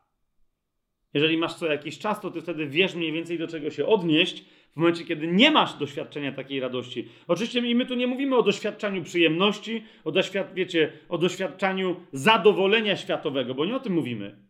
Nie? Ale spójrzcie, dla Piotra to jest rzecz jasna. Jezus powiedział: To wam powiedziałem, aby, wasza, aby moja radość była w was, trwała w was i aby wasza radość była pełna. Jaka wtedy to jest radość? Jest to radość niewysłowiona i pełna chwały. Widzicie to? Jeszcze tutaj zanim otrzymamy koniec naszej wiary, to jest pełne zbawienie dusz. Więc teraz, kochani, pierwszy list Jana. Pierwszy rozdział. Pierwszy list Jana. Pierwszy rozdział. Czwarty werset. Wyraźnie mówi, że ten list jest napisany, aby pomóc nam osiągnąć ten owoc, o którym nauczał Jezus. I dlatego to jest cytat z Jezusa, ale strawestowany ponieważ Jezus swoje powiedział, a Jan mówi, a ja teraz w tym konkretnym kontekście dzisiejszego kościoła, a kochani powiedziałbym, to jest kontekst, który bardzo przypomina dzisiejszy kościół. Rozumiecie? Jak czytamy resztę listu Jana, to widzimy dokładnie pseudo-kościół, który Jan tu opisuje, oraz prawdziwy Kościół. I Jan mówi, musimy sobie to porozróżniać, ponieważ być może brakuje wam radości, ponieważ idziecie myśląc, że za Bogiem idziecie za ludźmi, ponieważ macie społeczność z niewierzącymi, którzy są pełni nienawiści, kłamstwa i mroku, a myślicie, że to jest miłość, chcecie ich kochać i wszystko się sypie. Więc być może to jest, ale jeszcze raz, rozumiecie, tak jak Jan pisał wtedy do kościoła końca pierwszego wieku, my jesteśmy tym samym kościołem.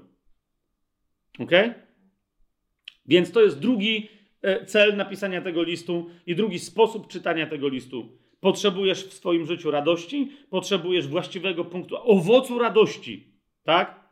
Oczywiście ona przychodzi przez miłość. Zobaczcie list do Galacjan, tu trzymajmy sobie, no, trzymajcie czy nie trzymajcie. List do Galacjan sobie otwórzmy. Piąty rozdział. Listu do Galacjan mówi nam bardzo wyraźnie, że owoc ducha jest tylko jeden i tym owocem jest miłość, tak? Ale miłość następnie wyraża się w konkretnych sytuacjach, aspektach naszego, na, naszego życia i tak dalej na różne sposoby. Jednym z pierwszych wymiarów miłości w naszym życiu jest co? Jest radość, nawet przed pokojem. Jasne? Radość to jest inne doświadczenie niż pokój. Owocem zaś ducha jest miłość. Dwukropek, czyli która się wyraża radością, pokojem, cierpliwością, życzliwością, dobrocią, wiarą i tak dalej. Jasność? To jest więc drugi y, cel, dla którego ten list został napisany, ale zwróćcie uwagę, mówię, przeczytajmy pięć razy sobie w tym tygodniu pierwszy list Jana od początku do końca, za, może i sześć razy, y, włączając to ten pierwszy, o którym wam mówiłem, żeby sobie po, poczytać list od, od pradziadka Jana do swoich dzieciaczków w XXI wieku. Nie, ale oczywiście potem zauważycie, że no oczywiście, że nie dałoby się, żeby ten list osiągnął swój drugi cel, jeżeli nie osiągnie pierwszego, tak? Że jak można mieć radość, nie mając koinonii, o której mówi w pierwszym swoim celu ten list. Jasne? Trzecia, trzeci cel napisania tego listu to jest, czyli pierwszy to jest koinonia, wspólnota horyzontalna i wertykalna, wspólnota krzyża, to jest wspólnota ludzkości z Bogiem i te, tej ludzkości, która ma wspólnotę z Bogiem, ze sobą nawzajem. Tak? Drugi cel to jest osiągnięcie radości. To jest to, żeby ci, którzy czytają ten list, wreszcie osiągnęli radość. Trzecim celem jest osiągnięcie, uwaga, wolności od grzechu. Ok? To jest trzeci cel napisania tego krótkiego listu, a zauważcie, jak fundamentalne rzeczy chrześcijanom rozwiązuje. Skąd my o tym wiemy? Ponieważ w pierwszym yy, liście Jana, w drugim rozdziale, w pierwszym wersecie Jan pisze o tym wprost. Moje dzieci, piszę wam to, abyście nie grzeszyli. Po prostu. Nie? Wolność od grzechu. W pierwszym liście Jana, w trzecim rozdziale, w szóstym wersecie, e, dlaczego Jan mówi, piszę wam po to, żebyście nie grzeszyli?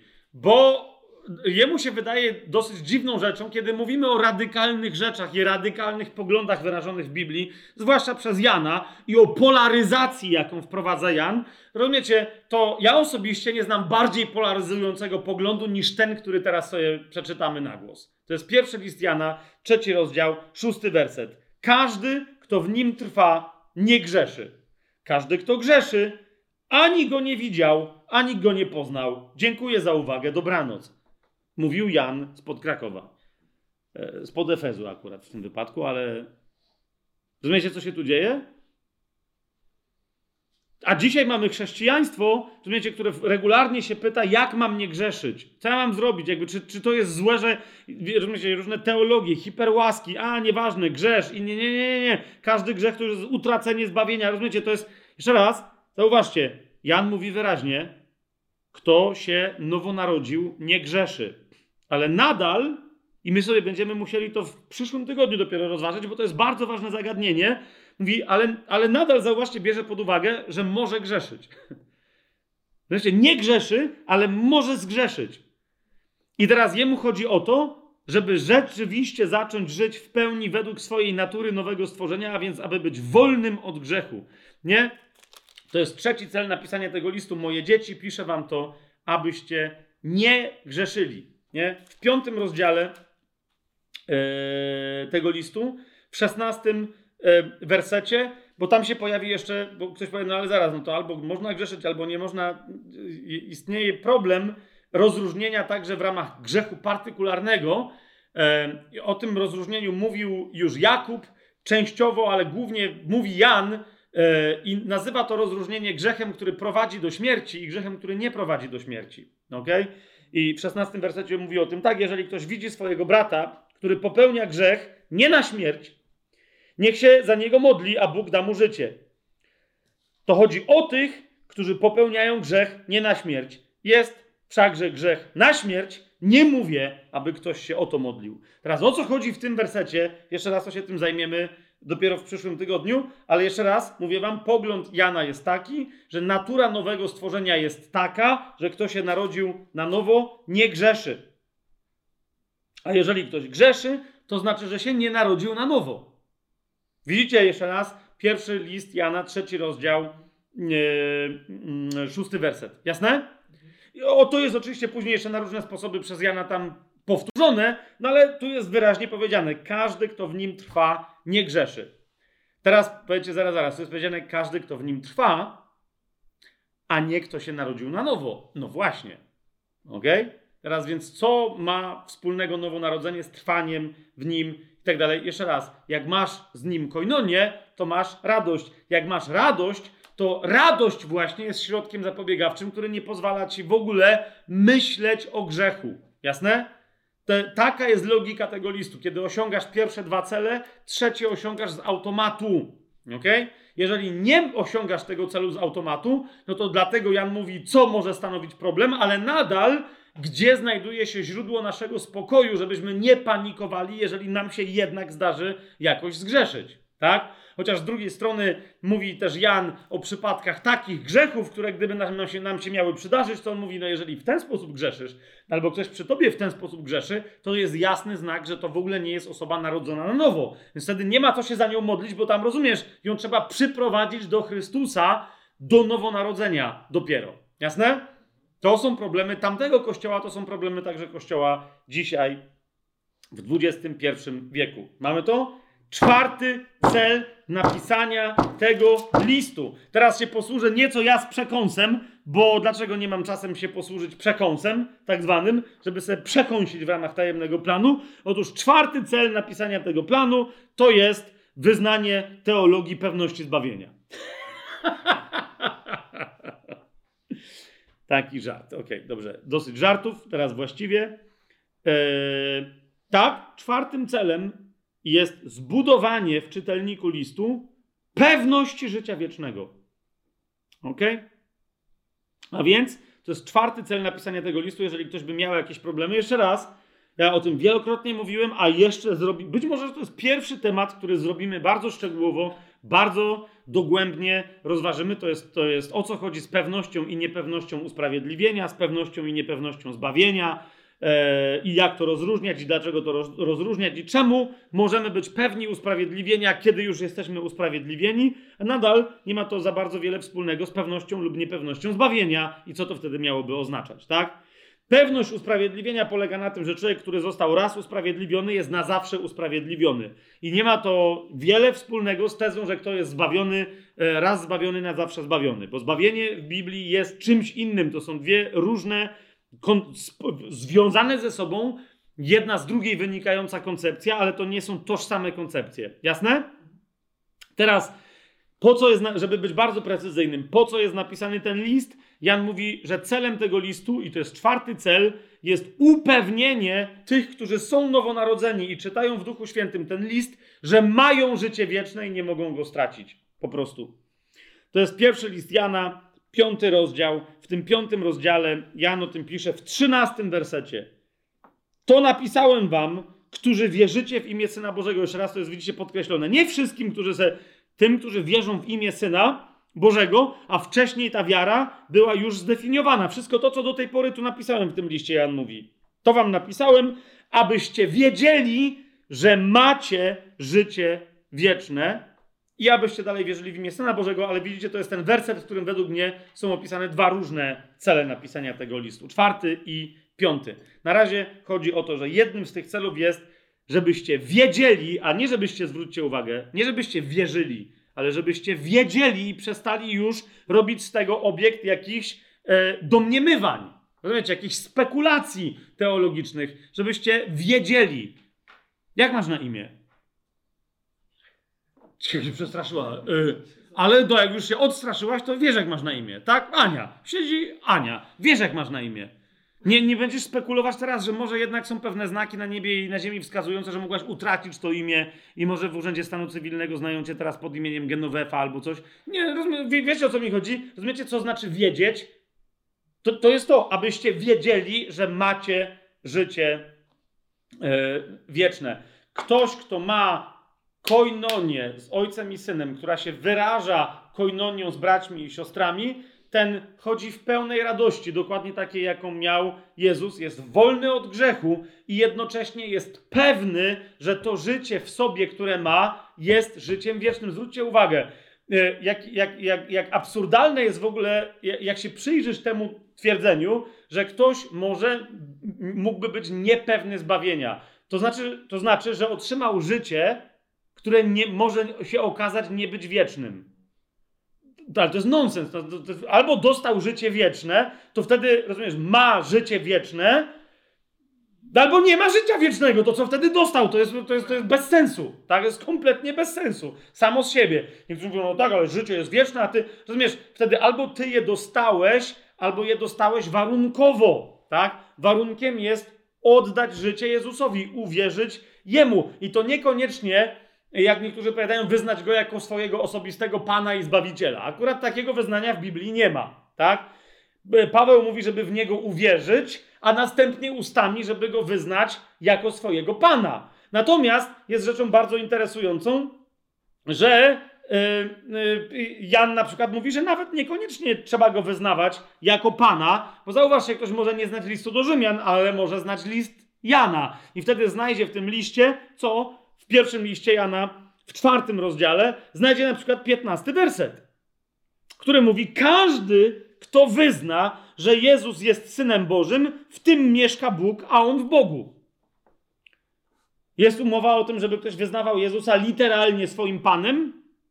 No nie. Tyle tylko, że jak ktoś wyznaje Go Synem Bożym nie po to, żeby być Jego dulosem, Jego niewolnikiem, Jego poddanym, to wtedy tak naprawdę nie wyznał Go jako Syna Bożego. Czy to jest jasne? Tak? Zobaczcie też dla przykładu piąty rozdział, pierwszy werset. Każdy, kto wierzy, że Jezus jest Chrystusem, narodził się z Boga. Będz. Nie ma mowy o Zbawicielu, nie ma mowy o Panu i tak dalej. Chodzi o wiarę, która, rozumiecie, y, nie ma w Biblii magicznej formuły, że ty musisz powiedzieć właściwe słowo, że ty musisz, wiesz, to, po tym, potem coś, potem coś musisz zrobić. Twoja wiara musi być wiarą, która cię połączyła, a więc dała ci koinonię życia z Chrystusem.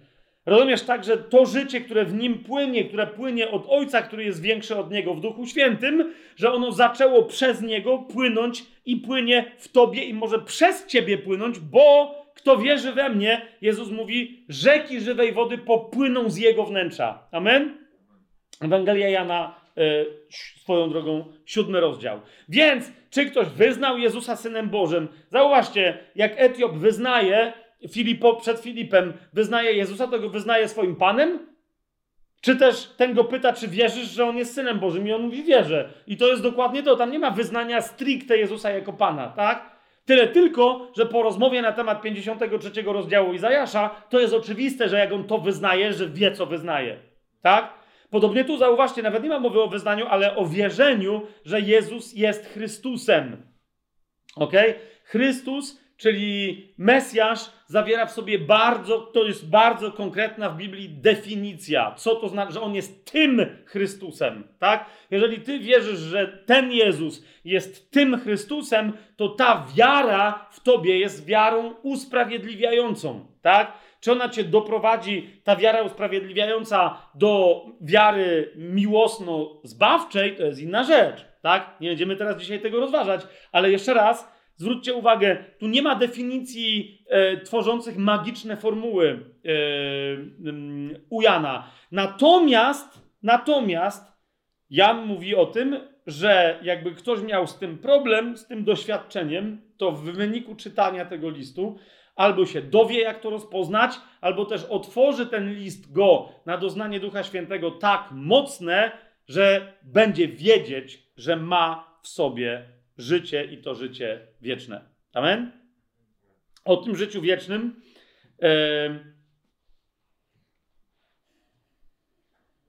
To wam napisałem, abyście wiedzieli, piąty rozdział, trzynasty werset, abyście wiedzieli, że macie życie wieczne. Podam wam tylko taki przykład. Najpierw jeden przykład, gdzie Jezus genialnie mówi o, o tej pewności życia.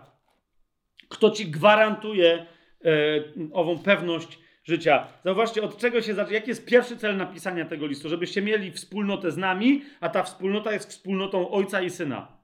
Amen? To otwórzmy sobie Ewangelię Jana w takim razie. Dziesiąty rozdział. Dokładnie o tej wspólnocie. Jak we wspólnotę Ojca i Syna e, oni w Duchu Świętym włączają Ciebie i mnie. Jak to się dzieje? Dziesiąty rozdział nam to opisuje. 27 werset do 30. Moje owce, powiada Pan Jezus, słuchają mojego głosu i ja je znam, a one za mną idą.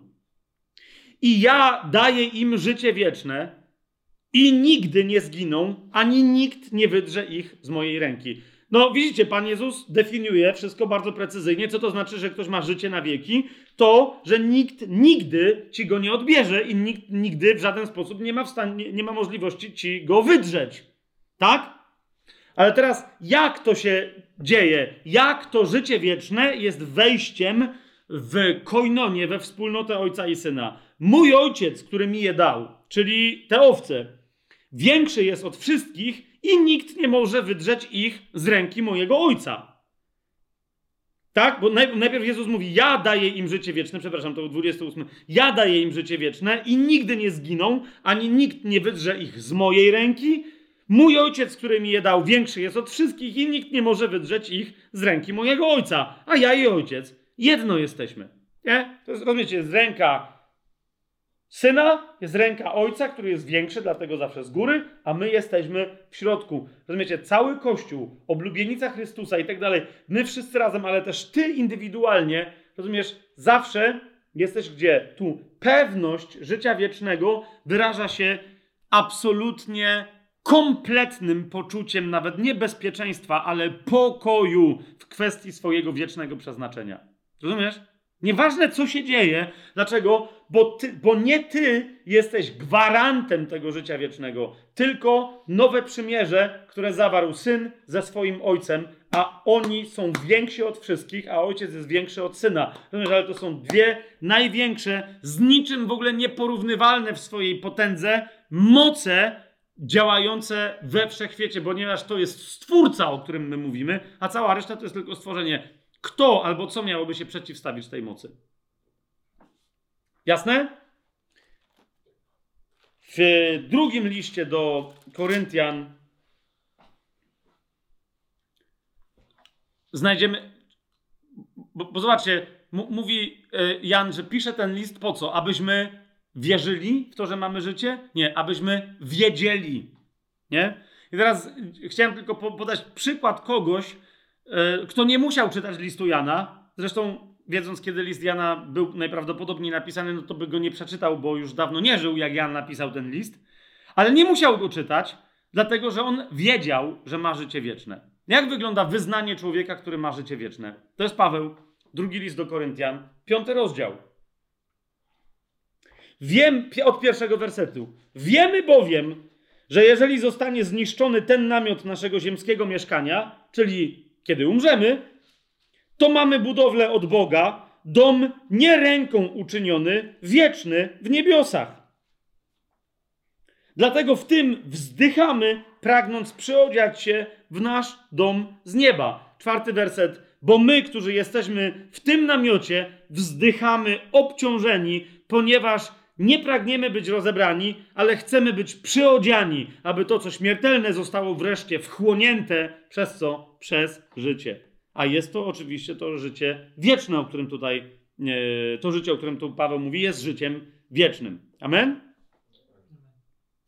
I wreszcie, kochani, wracając do pierwszego listu Jana, piąty i ostatni już cel napisania tego listu.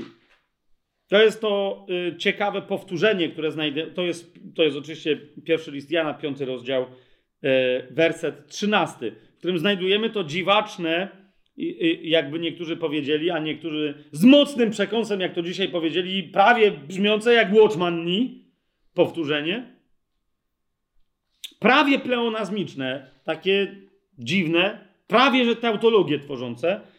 To wam napisałem, którzy wierzycie w imię Syna Bożego, abyście, zobaczcie końcówkę tego zdania, wierzyli w imię Syna Bożego.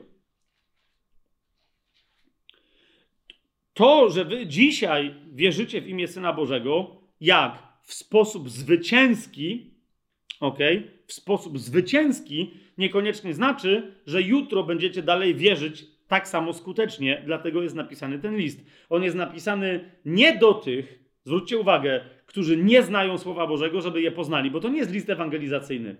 To jest list napisany tylko do tych, którzy żyją wiarą zwycięską. A jeżeli jej nie mają, to jest napisany do tych, którzy takich znają, co jej nie mają, żeby tamtym pomogli. Czy to jest jasne? Tak? A więc mówi: Napisałem wam, którzy wierzycie w imię Syna Bożego, tak? I to jest piąty cel, abyście nadal wierzyli w imię Syna Bożego. Po pierwsze, zauważcie e, różnicę. W celach ewangelizacyjnych ten sam autor napisał, owszem, ale e, inny traktat, że tak powiem, ewangelizacyjny, czyli Ewangelię swoją. To jest Ewangelia Jana, 20 rozdział. E, zobaczcie, co on tam napisał. Po co jest napisana cała ta Ewangelia? To jest 20 rozdział Ewangelii Jana, 30 i 31 werset. Wiele innych cudów uczynił Jezus na oczach swoich uczniów, które nie są e, opisane w tej księdze, ale te są napisane, abyście wierzyli, że Jezus jest Chrystusem, Synem Bożym i abyście wierząc mieli życie w Jego imieniu. Widzicie to? Tu chodzi o to, abyście uwierzyli, i dlatego od początku tej Ewangelii jest mowa o tym, że on, przyszło słowo, słowo dało życie tym, którzy uwierzyli. Bóg tak umiłował świat, trzeci rozdział, szesnasty werset i tak dalej, i tak dalej. Aby każdy, kto w niego wierzy, nie umarł, ale miał życie wieczne. Amen? I tu widzimy koniec Ewangelii, po to jest napisana ta Ewangelia, abyście uwierzyli, a wierząc, abyście mieli życie w Jego imieniu. Widzicie to? Teraz jeszcze raz porównajcie sobie to do owego pierwszego listu Janowego, w którym on mówi, że nie pisze, aby ludzie wierzyli, ale pisze do tych, którzy już wierzą. Widzicie to? To, napi- piąty rozdział, trzynasty werset. To napisałem wam, którzy już wierzycie w imię Syna Bożego i koniec tego zdania, abyście nadal wierzyli w imię Syna Bożego. Tak? I teraz myśl jest jaka, bo ktoś powie, no ale skąd ja to wiem, że tu chodzi o wierzenie zwycięskie. Stąd, że w tym rozdziale, piątym rozdziale, nasza wiara jest, jest konkretnie opisana. To jest czwarty i piąty werset. Przez wiarę my się narodziliśmy na nowo. Amen? Ale kiedy się narodziliśmy na nowo, y, aspektem owocu Ducha Świętego w nas jest nowa duchowa wiara. I to jest opisane tutaj w następujący sposób. Wszystko, co się narodziło z Boga, od momentu, kiedy jest nowonarodzone, dodałbym tak, zwycięża świat. Jak? Otóż tym zwycięstwem, które zwyciężyło świat, jest nasza wiara. Widzicie to? Jest wiara, dzięki której my się rodzimy na nowo, a potem wiara, którą ma nowe stworzenie, które zwycięża yy, tą wiarą świat. Kto zwycięża świat, jeżeli nie ten, kto wierzy, że Jezus jest Synem Bożym? Widzicie to? A więc, zobaczcie, kto zwycięża świat, jeśli nie ten, kto wierzy, że Jezus jest Synem Bożym. I teraz zobaczcie, piąty rozdział, trzynasty werset. Yy, abyście wierzyli w imię Syna Bożego. Widzicie to? Chodzi więc o taką wiarę, która zwycięża świat, a nie o wyznawanie jej ustami nie wiadomo po co, żeby być wyznawcą jakimś dzikim. Więc tu chodzi o wiarę zwycięską. Jasne? Zresztą zauważcie, to wam napisałem, jest tu napisane, którzy wierzycie w imię Syna Bożego. Ale zauważcie, jak wcześniej adresaci są y, zdefiniowani. Myśmy już o tym mówili. To jest pierwszy list Jana, drugi rozdział, trzynasty werset i piętnasty werset. Tak? Trzynasty werset pisze do was, młodzieńcy, bo zwyciężyliście złego. Piętnasty. Yy, yy, przepraszam, czternasty werset.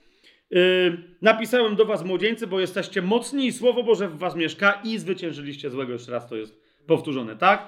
Adresatami są ci, którzy tak wierzą, że ich wiara jest zwycięska. Jasność? I teraz jeszcze, żeby to podkreślić, czwarty rozdział, czwarty werset. Dzieci, wy jesteście z Boga i zwyciężyliście ich. Kogo? No przede wszystkim antychrystów, którzy wystąpili na i występują na całym świecie. Już zwyciężyliście, tak? Ponieważ ten, który jest w was, jest większy niż ten, który jest na świecie. A więc, jeszcze raz, zobaczcie, piąty rozdział, trzynasty werset. To napisałem wam, którzy wierzycie w imię Syna Bożego. Co to oznacza na podstawie dotychczas napisanego tekstu?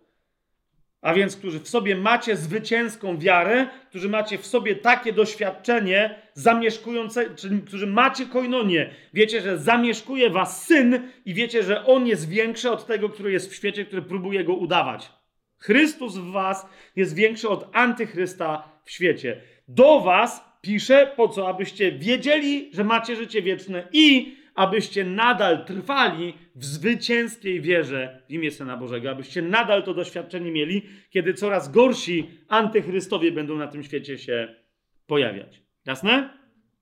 Kochani, teraz jest taka moja propozycja, abyśmy najbliższy tydzień, e, poza innymi swoimi zajęciami, przed następnym naszym spotkaniem, przed następnym studium, e, no to tu się na żywo dzieje. Jak to kiedyś będzie opublikowane, to pewnie e, mm, ci, co od razu publikacje w ten piątek, kiedy się to pojawi, będą odsłuchiwać, będą mieli tydzień do tego, żeby sobie następnego wykładu, mm, następnego studium posłuchać. Ale ci, którzy będą kiedyś tego słuchać, e, którzy będą mogli od razu przeskoczyć do następnego wykładu, nawet tym sugeruję, proszę Was, przeczytajcie ten list na spokoju pięć razy szukając każdego z tych celów, jakby one były od siebie oderwane. Ma, to sens, co mówię? Jakby były oderwane. Za pierwszym razem pierwszy cel, koinonia. Za drugim razem drugi cel, radość. Trzeci cel, wolność od grzechu. Czwarty cel, pewność życia wiecznego. Piąty cel, trwanie w zwycięskiej wierze w Jezusa Chrystusa. I za każdym razem zobaczysz, że naprawdę, że ten list, w którym niby Jan tak często się powtarza, niby Watchman ni, w rzeczywistości e, się nie powtarza, tylko tak niuansuje swój tekst, żeby tych pięć niesamowitych, ogromnych celów zrealizować w Duchu Świętym w życiu wierzącego e, e, człowieka. I teraz, dlaczego to jest jeszcze nam potrzebne? Ponieważ chcę w przyszłym tygodniu poruszyć parę zagadnień właśnie na przykład grzechu i wolności od grzechu. E, w tym liście. Natury Bożej, którą jest, e, którą jest e, miłość. Nie tylko pewności życia wiecznego, ale też pewności wiedzy, którą otrzymujemy. Tak, tego, o czym Jan mówi, że mamy namaszczenie od świętego i nie, nie musimy się nikogo o nic pytać i tak dalej, i tak dalej. Jest tu parę ogromnych zagadnień w tym liście, które Jan zdaje się tak, wiecie, tak, takim jednym stryknięciem załatwiać, ale to tylko dlatego, że on zakłada, że my znamy chociażby Ewangelię Jana, ale też resztę Biblii. Po prostu to jest założenie tego autora takie samo jak w Księdze Objawienia tegoż autora. Nie? Więc będziemy chcieli się przyjrzeć strukturze tego listu i y, zagadnieniom, które się pojawiają po to, aby zrealizować tych pięć celów, o których dzisiaj y, mówiliśmy. Ale byłoby dobrze, żebyś, żebyśmy wszyscy mieli doświadczenie wiecie, wejścia na duchową ścieżkę znajomości tego, tego listu, e, że, e, przynajmniej posmakowania, osiągania tych różnych celów, jak Duch Święty, jakie strategie wybiera, żeby w nas te cele swoje osiągnąć. Ponieważ wtedy, co się stanie, wtedy e, nasze rozważanie na temat struktury tego listu i innych zagadnień będzie tym bardziej owocne. Czemu? Ponieważ E, będziemy znać lepsze pytania niż tylko te, które byśmy sobie, wiecie, tak, o, tak z głowy teraz zadali.